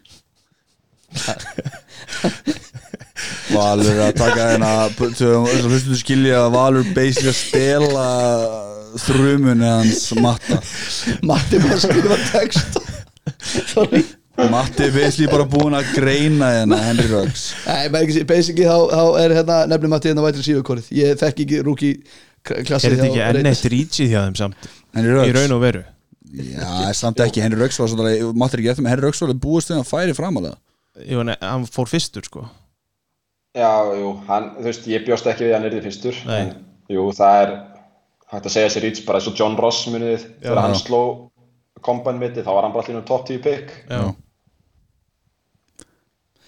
Næst- ma- Valur, já, alltaf hann á Valur Sorry, ég fyrir ekki það, fyrir ekki það Mér fannst þetta bara ógislega fyndið Ég búin að jafna þig, Já, já. ég, mér fannst það ógislega fyndið En, hérna, en öllu gafnið, þá hérna er Derek Carr, hvar höfum við hann, sóknarlega? ég er bara off á hann gjörsamlega Já Sko ég er satt sko, ég veit nefnilega ekki alveg, ég vil hann fáið sjens og því ég held að Derek Carr hafa alveg hæfileikana að því ég er svona smá ágjörð því að grútin sé að leita afsökun til að starta Mariota og það hljómar ekkert eitthvað sérstaklega skemmtilega fyrir mér heldur sko. Ég er nefnilega það sem að ég, ég, ég er spenntast að fylgjast með núna er þetta grúta en hérna, Carr samband sko. Það verður að batna ef þetta er rétt sem að sá og lasi fyrra þannig sé þetta væri bara ekki að ganga mm. að því ef að Carr á að vera framtíðar kjúpi og reytist þá er það að batna nummer 1 og 3 sko.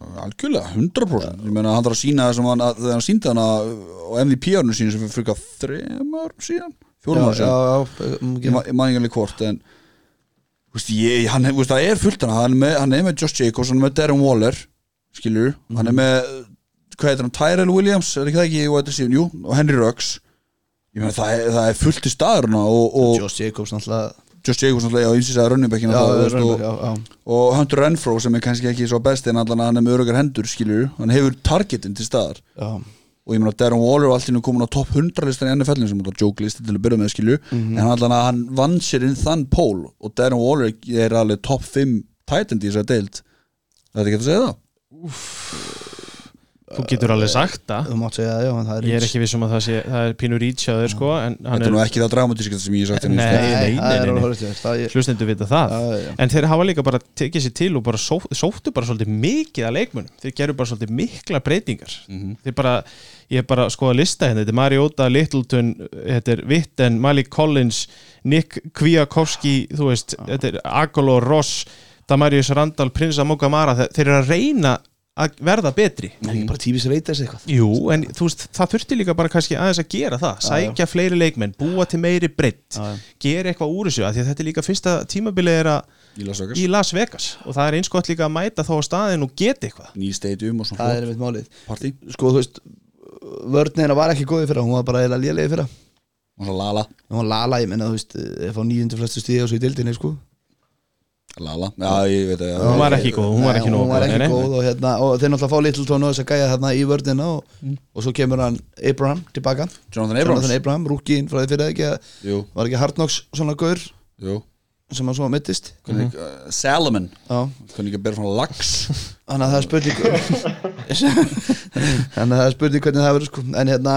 það skiptir svolítið miklu máli fyrir þetta lið, finnst mér er að, þú veist, vætri sífi korið þeirra er ágætt, þeir eru með góðan tight end, vonandi fyrir þá að hann haldi áfram að- að styrkja sig svo eru þeir með Nathan Peterman, við skulum ekki gleyma því Geitin svo er það með ógnar mikið á sóknamönnum, nei sóknalínumönnum og hún var, ó, hún var betri en menn gerur ráð fyrir í fyrra það er Mhm. og þetta- það verður eiginlega að koma aftur þeir verða að ná að halda sóknalínunni svolítið góðri, Mhm. þá gætur verið bara mjög fínt lið Bara gefa líka karr svona smá öryggisnett Já. En svona maður segja en ég held að því við vorum að tala um að vörnin hjá þeim hafi verið lala í fyrra, það er þá ef eitthvað þá er hún ætti hún að vera betri í ár Já. það eru það, eins og Já, já, Kvíakowski gæin já, Mhm. er já. mjög góðu leikmaður þeir eru búin að bæta við sig bara mjög fínum varnarleikmunum Já, Collins þannig er að það er góður. bullandi sjans fyrir þá að verða betra varnarlið og þá er leiðin bara upp á við fyrir, fyrir reytis já, ekki spurning Max Crosby og Clólin Ferrell Heldur ekki Clólin Ferrell Clelin Ferrell. Clelin Ferrell, Ferrell, já. já, já. sem var Ritchie í fyrra hjá þeim. algjört rýts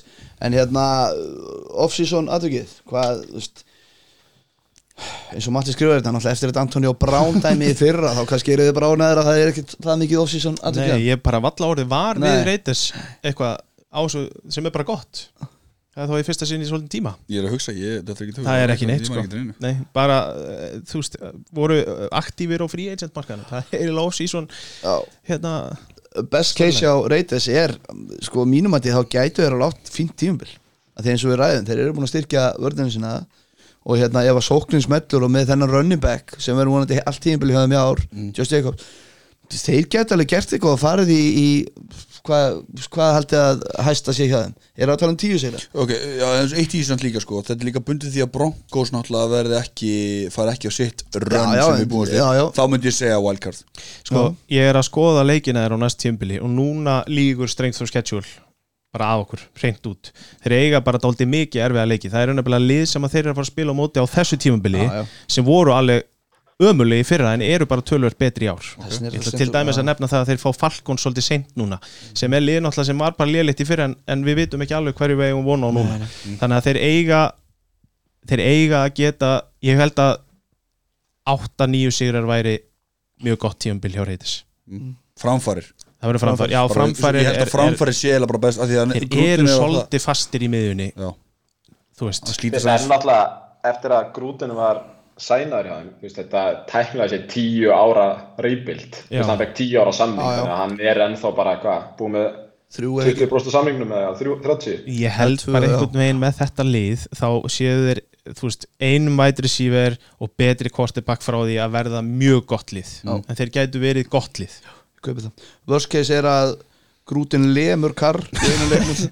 worst case er náttúrulega að Karp bara virki ekkert á þessu tíumbili og þá fari þetta í vaskin hjá þeim það er bara, með við það sem ég er að lesa hérna, þá er það bara fjórir sigrar það Já, gæti sko, bara, er alveg raunhæft hjá þeim. ég er alveg sammála því og þú veist eins og ég segi og að samband Karr og Grúten verði bara þannig að það er ekki hægt að laga það og þeir þurfa bara að byrja aftur í QB já, já. og ég meina þó svo að það gangi upp að vera með NHL-lið í Las Vegas þá eigum við nú alveg eftir að sjá þetta er svona lið sem ég er að COVID horfa á sko. sko, ég er að horfa á, þú veist, ætlaði að halda sig frá kasínónum og öllu því dóti bara Já, og, já. skilur við, þetta er vondu staður að mm. setja menn með mikla peninga á, þú veist, sorry þó að hérna, það gangi Já, já. ágætlega í öðrum og, og þegar þú fer til Las Vegas til að, með NFL-ið, þú vilt ekki að fyrstu leikinu sé án áhörenda sko Nei, nei, nei, nei. Þú veist, það búa þessu smá hæpi og svona nýjum stað og nýjum Já, já, velli já. Mm. með allt þetta, þú veist, það er svolítið pressa líka á þeim að vera ekki liðlegir, þú já, veist, þeir verða að sína einhverja framfæris það er alveg séns á því Overundur 7.5 Ég ætla að segja, ég segi undir sko Já, maður verður eiginlega að segja undir já.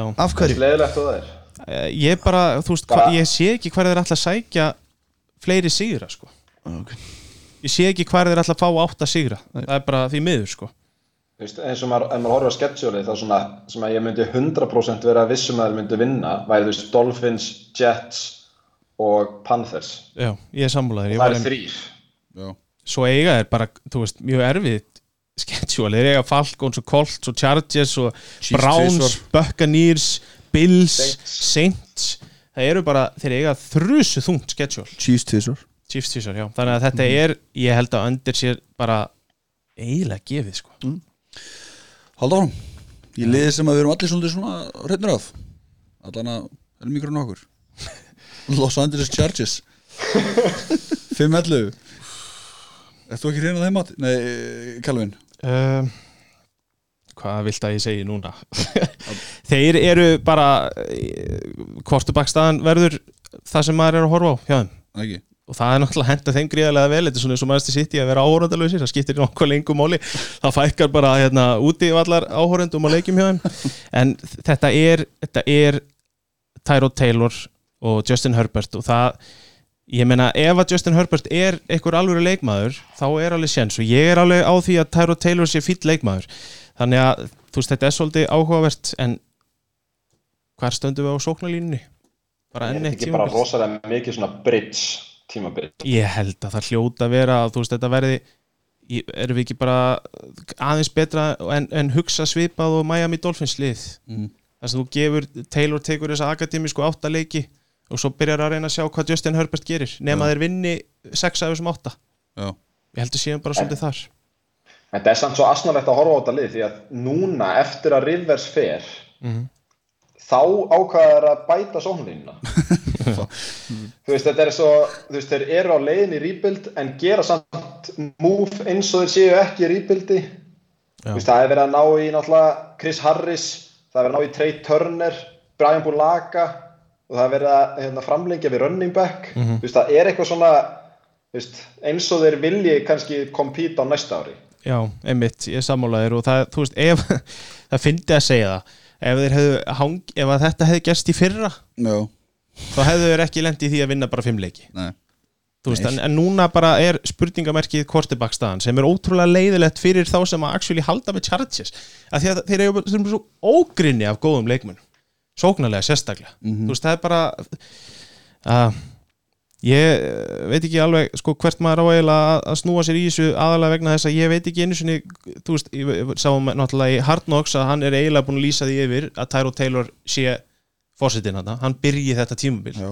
og svo komi bara í ljós hvað Justin Herbert gerir hann er stór og stæðilegu kortibak hann ferlegt að sjá það standa hlið við hlið hann er honum ekki upp í öxl Tyro Taylor, hann er það háa sinn Herbert þannig að ef að hann getur eitthvað þá er bara þá er fullt af góðum sóknarleikmannum að og ef að sóknarleikin heldur, ég meina við erum ekkit sátti við það að Búlaka sé farin Nei, nei. við erum ekkit sérstaklega hrifnir af því, hann mun bæta þetta lið alveg helling, Þið Pakkersmenn við erum pakkismann, já Það er svona eittir að það koma hana með Justin Herbert á nokkar tíu mína monolog bara eitthvað af Herbert að kasta boltum og í eitthvað Já, já. ringi með neti skilu Já, já. þannig að það segir mér svolítið mikið að sé alveg hæp síndu líka bara þegar hann hitti sko. Já, síndu alltaf þess Svo er það ekki einu sem fyrsta serían þar sem að Taylor á að byrja sem Nei, QB nei, hann er bara, hann er fór deja vu bara þegar að telur þessu en ég meina, h- þú veist, hann, hann þeir halda Hunter Henry, þeir eru með hérna Keenan Allen uh, þú veist, Egilir er góðu leikmaður Justin Jackson er ágætis backup fyrir hann í running backnum, þannig að þeir eru með fína leikmenn í þessum mikilvægastu stöðum þá er bara spurning hvað ætla kortibakkarnir að gera, heldur sóknarlínan og ég meina, er vörnin hjá þeim ekki bara Joey Bosa og nefið á honum bara drullu, Yes! drullu fínt Ótrúlegt nef alveg bara Ég tala mikið um það á Twitter Ég hvet fólk til þess að followa mig þar að sjá hversu mikið tala nefn á Joey Bosa gæti reykt vindilýsturstu, eins og ég sagði en svo er þið með, þú veist, Darren James Darwin James sem er alveg alltaf að fara rauk fyrir því að sé top 3, 4, safety Þetta er rosalegt liðstrákar Þetta er bara hörku lið þetta er nefnilega ógislega gott lið þess vegna er svo leiðilegt að sé svona mikil óvissa í mikilvægustu stöðu Já, en deildarinnar. eftir að segja mig það, ef að Rivers verður hérna ennþá, þá verður ekki óvisa það væri ekki eins mikil óvissa hvort tækir þá væri óvissan einu, tveim árum í burtu frá okkur já, ég meina þú væri samt ekki með Tyron Taylor sem startir Þú mútti vita hvað þú færð í Philip Rivers Þú sko við Mhm. gefðu honum aðeins meira Já, skiljum, Mm. en líka með þetta ólæn sem er núna þarna. allt og annað líka þe- þess vegna var ég að vonast til að Tom Brady myndi fara þangað því að þetta Já. virkaði á mig svo miklu meira lið fyrir Tom Brady heldur en Buccaneers það var nú líka að tala um það hérna um mögulegum að fá hérna, Newton ágað Já. það væri Já. mjög skemmtilegt núna ef að þeir væri með Newton að bak við þetta þá væri þetta bara mjög svona svona challenging í playoffs lið og fólk var eiginlega bara að býða eftir að Charles myndi eiginlega bara ringi í Newton bara blessa Já. hvernig ertu og snill ég er alveg hrifin að Antoni Linn mér finnst þetta alveg bara mjög skemmtilegur þjálfari ég, ég er alveg samanlegaður með gleður Ég er ekki að segja þessi ósamanlegur og, og ekki það að þessi henda Rivers fyrir rútuna En gæja var með sko 23 touchdown og 20 interceptionu fyrir það sko Mhm. Þú veist, við Já, getum ég- ekki já veist, en ég meina það- hann- ég- já, hvað segir Matti? Það er fyrir ekki, bara, þú veist, líkilatir er náttúrulega bara múvin sem þið gerðu frá því Já, að já, Rivers fór. já, já, ég kaupi það líka, ég kaupi það Þú veist, ef þeir hefðu haldið Rivers og gert þessi múv, Mhm. þá væri ég spenntar fyrir þessu liði, en þó- með, þú veist, pick sem er ekki Justin Herbert, heldur topp leikmaður, Mhm. í staðin fyrir að það sé, þú veist, first round quarterback sem þau þurfa að býða eftir, ef þetta væri bara starter, hvort það eru varnamæður eða sóknarlínumæður eða eitthvað. Ég, ég, ég kaupi alveg sem þú segja og líka í fyrra þá var hann oft bara að henda bombónum fram þegar það voru þrín menn í andlutin á hann sko. Já. Alveg hann var klálega líka svolítið, ég held að það siti líka svolítið í, í okkur að þeir töpuðu þrem leikjum á því þar sem hann var alveg í lok leikja á fourth down, Já, já. massa pressa á honum Og og bara hann, tjátseruðu. hann bara loppaði Charles boltanum í fram þessu. sko. Já, já. Uh, en schedule-in hjá þeim segir mér að þeir eiga að vinna að minnstakosti 7-8 leiki sko. ok það eru bara það þú veist, ef þið taka Oakland tvísvar nei, hérna Las Vegas tvísvar þá er bara fýtt sjens á þeim að- að lenda í öðru sæti í þessum riðli ef að Denver floppar sko. Og náttúrulega, með að við roster þá eiginlega eiga þeir eiga að lenda í öðru sæti þetta sko. öðru sem þetta skilur já, já. Uh, við vonum eiginlega búin að kofa rúkin tókum Justin Herbert, það er rúkin sem við, við nefnum hennar skilur, hann, hann er basically Ryan Tannehill, nefnum yngri í mínu vokum allan Já. uh, best case scenario annars þetta Best case scenario, já, algjörlega og valkart inn í playoffs og, og challenge að í að komast áfram upp úr tí sko. Já, bara vera með veginn í valkartin Já, já, ég meina það væri mjög heppilegt fyrir þá í best case að, að Herbert geti eitthvað Þetta lið gæti orðið svona veseninslið. Já, ekki spurning og þeir eiga bara að vinna, ég er að horfa á þetta bara blákalt, sjö leikir er bara það sem þeir eiga að vinna að minnstakosti okay. og ef að þeir gera það þá náttúrulega eflist allt og þú veist, þeir getur komist á okkur rönn og maður veit aldrei með það þannig að worst case 5-11 og Anthony Linnardur fara já, það er ekki worst case Já, jú, hann því miður er sennilega í þannig stuðu sem er ógíslega leðilegt að því að honum hefur svo sem ekkit verið hjálpað neitt sérstaklega Nei. sísta árin. og röndir 8 Átta er bara algjör negla ég myndi bara því miður taka átta bara Þessar slett veðmála síður vita alveg hvað er að gera. já, já. átta er bara stór hættuleg tala bara stay away sko Nákvæmlega, annars var allir Las Vegas já. ekki ég held að þeir hljóta að fara í annarsætið það þarf eitthvað mikið að gerast þannig það getur við aldrei vann með það er auðvitað að charger yfir sig skal segja það herru það tókst AFC it check það voru Yep. búin að kofra það að fara við AFC tókst en tíma uh, kæra lusnum þetta ennþá hérna hæ hæ uh, Þú ætlum við núna að fara í NFC og... hérna, við þurfum að fylla upp í fantasy-deldinni á okkur með tvö sæti laus fyrstu kemur, fyrstu fær Nú, mann að bara senda okkur eh, línu á eh, 10 jarðarnir á Twitter eða Facebook aldrei við þurfum að fá að blás PPR-deild, 12 manna já, við viljum nýta, nýta tíman mikil gæði, mikil pressa Mik, já, mikil gæði mikil dónatal mikil, ok Uh, í hvaða deildir þú? Uh, ekki myndir þarna Valur, þú ert ekki eitthvað heitur á það, það er Nei, plástur ég, var, ég skal viðkynna, ég var smá heitur um daginn en svo hugsaði, ég, nei, ég bara hef, vil ekki tíma fyrir þetta í líf mitt ég, ég, ég, Svítlis, þú ert framhaldsskóla kennari Það er fjögur börn, Kali Þú ert framhaldsskóla kennari á leiðinni sko í fjarkenslu Það er meira vinna maður ég lofaði einum að hérna, sem spurði mig um daginn bara, hvað akkur, akkur er Valur ekkert í fantasy vilt þú segja akkur út ekki í fantasy Já, það tók of mikið frá mér á leiknum, þú veist, ég var að horfa á leik og ég náttúrulega elska NFL eins og mm. líklega flestir sem eru að hlusta og svo á Kortland 17 sem að reyndar var ekki þegar ég var að spila að þú geðveitt grip út á kanti það sem hann tekur 30 hörta sendingunar að draga tætna með frá mig ég er bara, ert að grínast við flottar skrif sem ég séð og ég er á mótunum í fantasy, þrjú stig þarna það var bara að fara að taka meira af mér en það var að gefa mér og ég fann það að ég, þegar ég vann þá fagnaði sigurunum helmingi meir en ég grét töpin skilur hvað ég meina Já, já, já Þú veist, og, og, þetta bara, og ég hugsaði bara af hverju mm. ég elska að horfa á leikin og ég skil alveg fólk sem er að komast inn í NFL að það horfa á, á eh, takk í fantasy og þannig dettur að 100% inn í það ég skil að 100% og að mörguleiti kom- var það hjá mér þannig Mm. þó ég var að byrja að horfa aður en ég þarf þess ekki, ég elska að horfa á leikin svona og ég bara, þú veist, bara já, það er ástæðan mín, Ok. hvort sem er rétt eða um hvað bara Nei, svoleiðis. na, það er- það er ekki rétt rándi í þessu Við erum allir bara áhugamenn og, og unnendur sportsins Já, þetta fyrir bara ekki svona mikið í töðan á mér sko. Nei, og ég skil það og, og bara sem betur fyrir en Svo svona er ég líka bara svo ógeðslega góður í þessu að Það skiptir engum Já, svo er það kannski, ég var ekki sérstakur í þessu, það gæti líka verið Sérskræs Eh, Við ætlum að enda þetta á þessu uh, Má ég auglýsa mínar deildir? Það er sjálfsögðu. Við ætlum að setja hann. Já, við ætlum að, þú veist, ég er náttúrulega búin að búa til einhver svona, hvað, þrjár eða fjórar bull deildir mm. með einhverjum fárulegum reglum sem ég mun auglýsa á, öruglega bara NFL Ísland grúmbunni. Þeir sem eru ekki á henni farið bara inn á henni og ég mun posta þessu þannig inn og þið getið skráð ykkur. Já Matti hefur nóg að gera sko Þetta er ekki hægt er svo, Ég, ég dýrka Matti, þetta er ekki ógeðslega skemmtileg Þola pæling hann sko.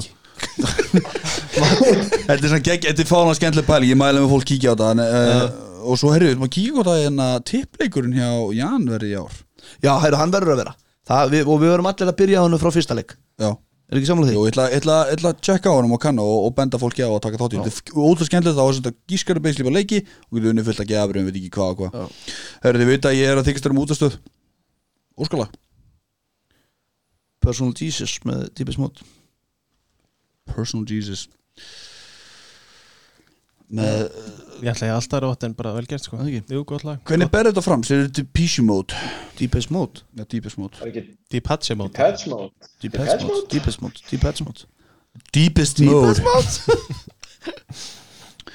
uh, Já, ok, það endur þessu Ég hérna, Það er allir löngu eftir að hlusta Það er Hvað löngu það að tala ok, ég heiti Birgir Þór Þetta er þinn personlegi Þetta er þinn personlegi Jesu Takk, takk, bless, bless Reach out, touch faith.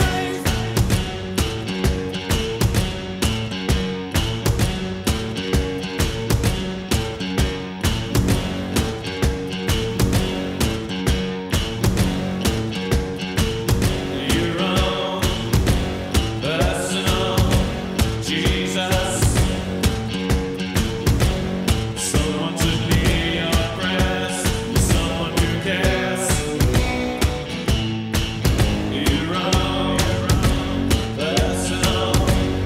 Jesus, someone to be your press, someone who's there.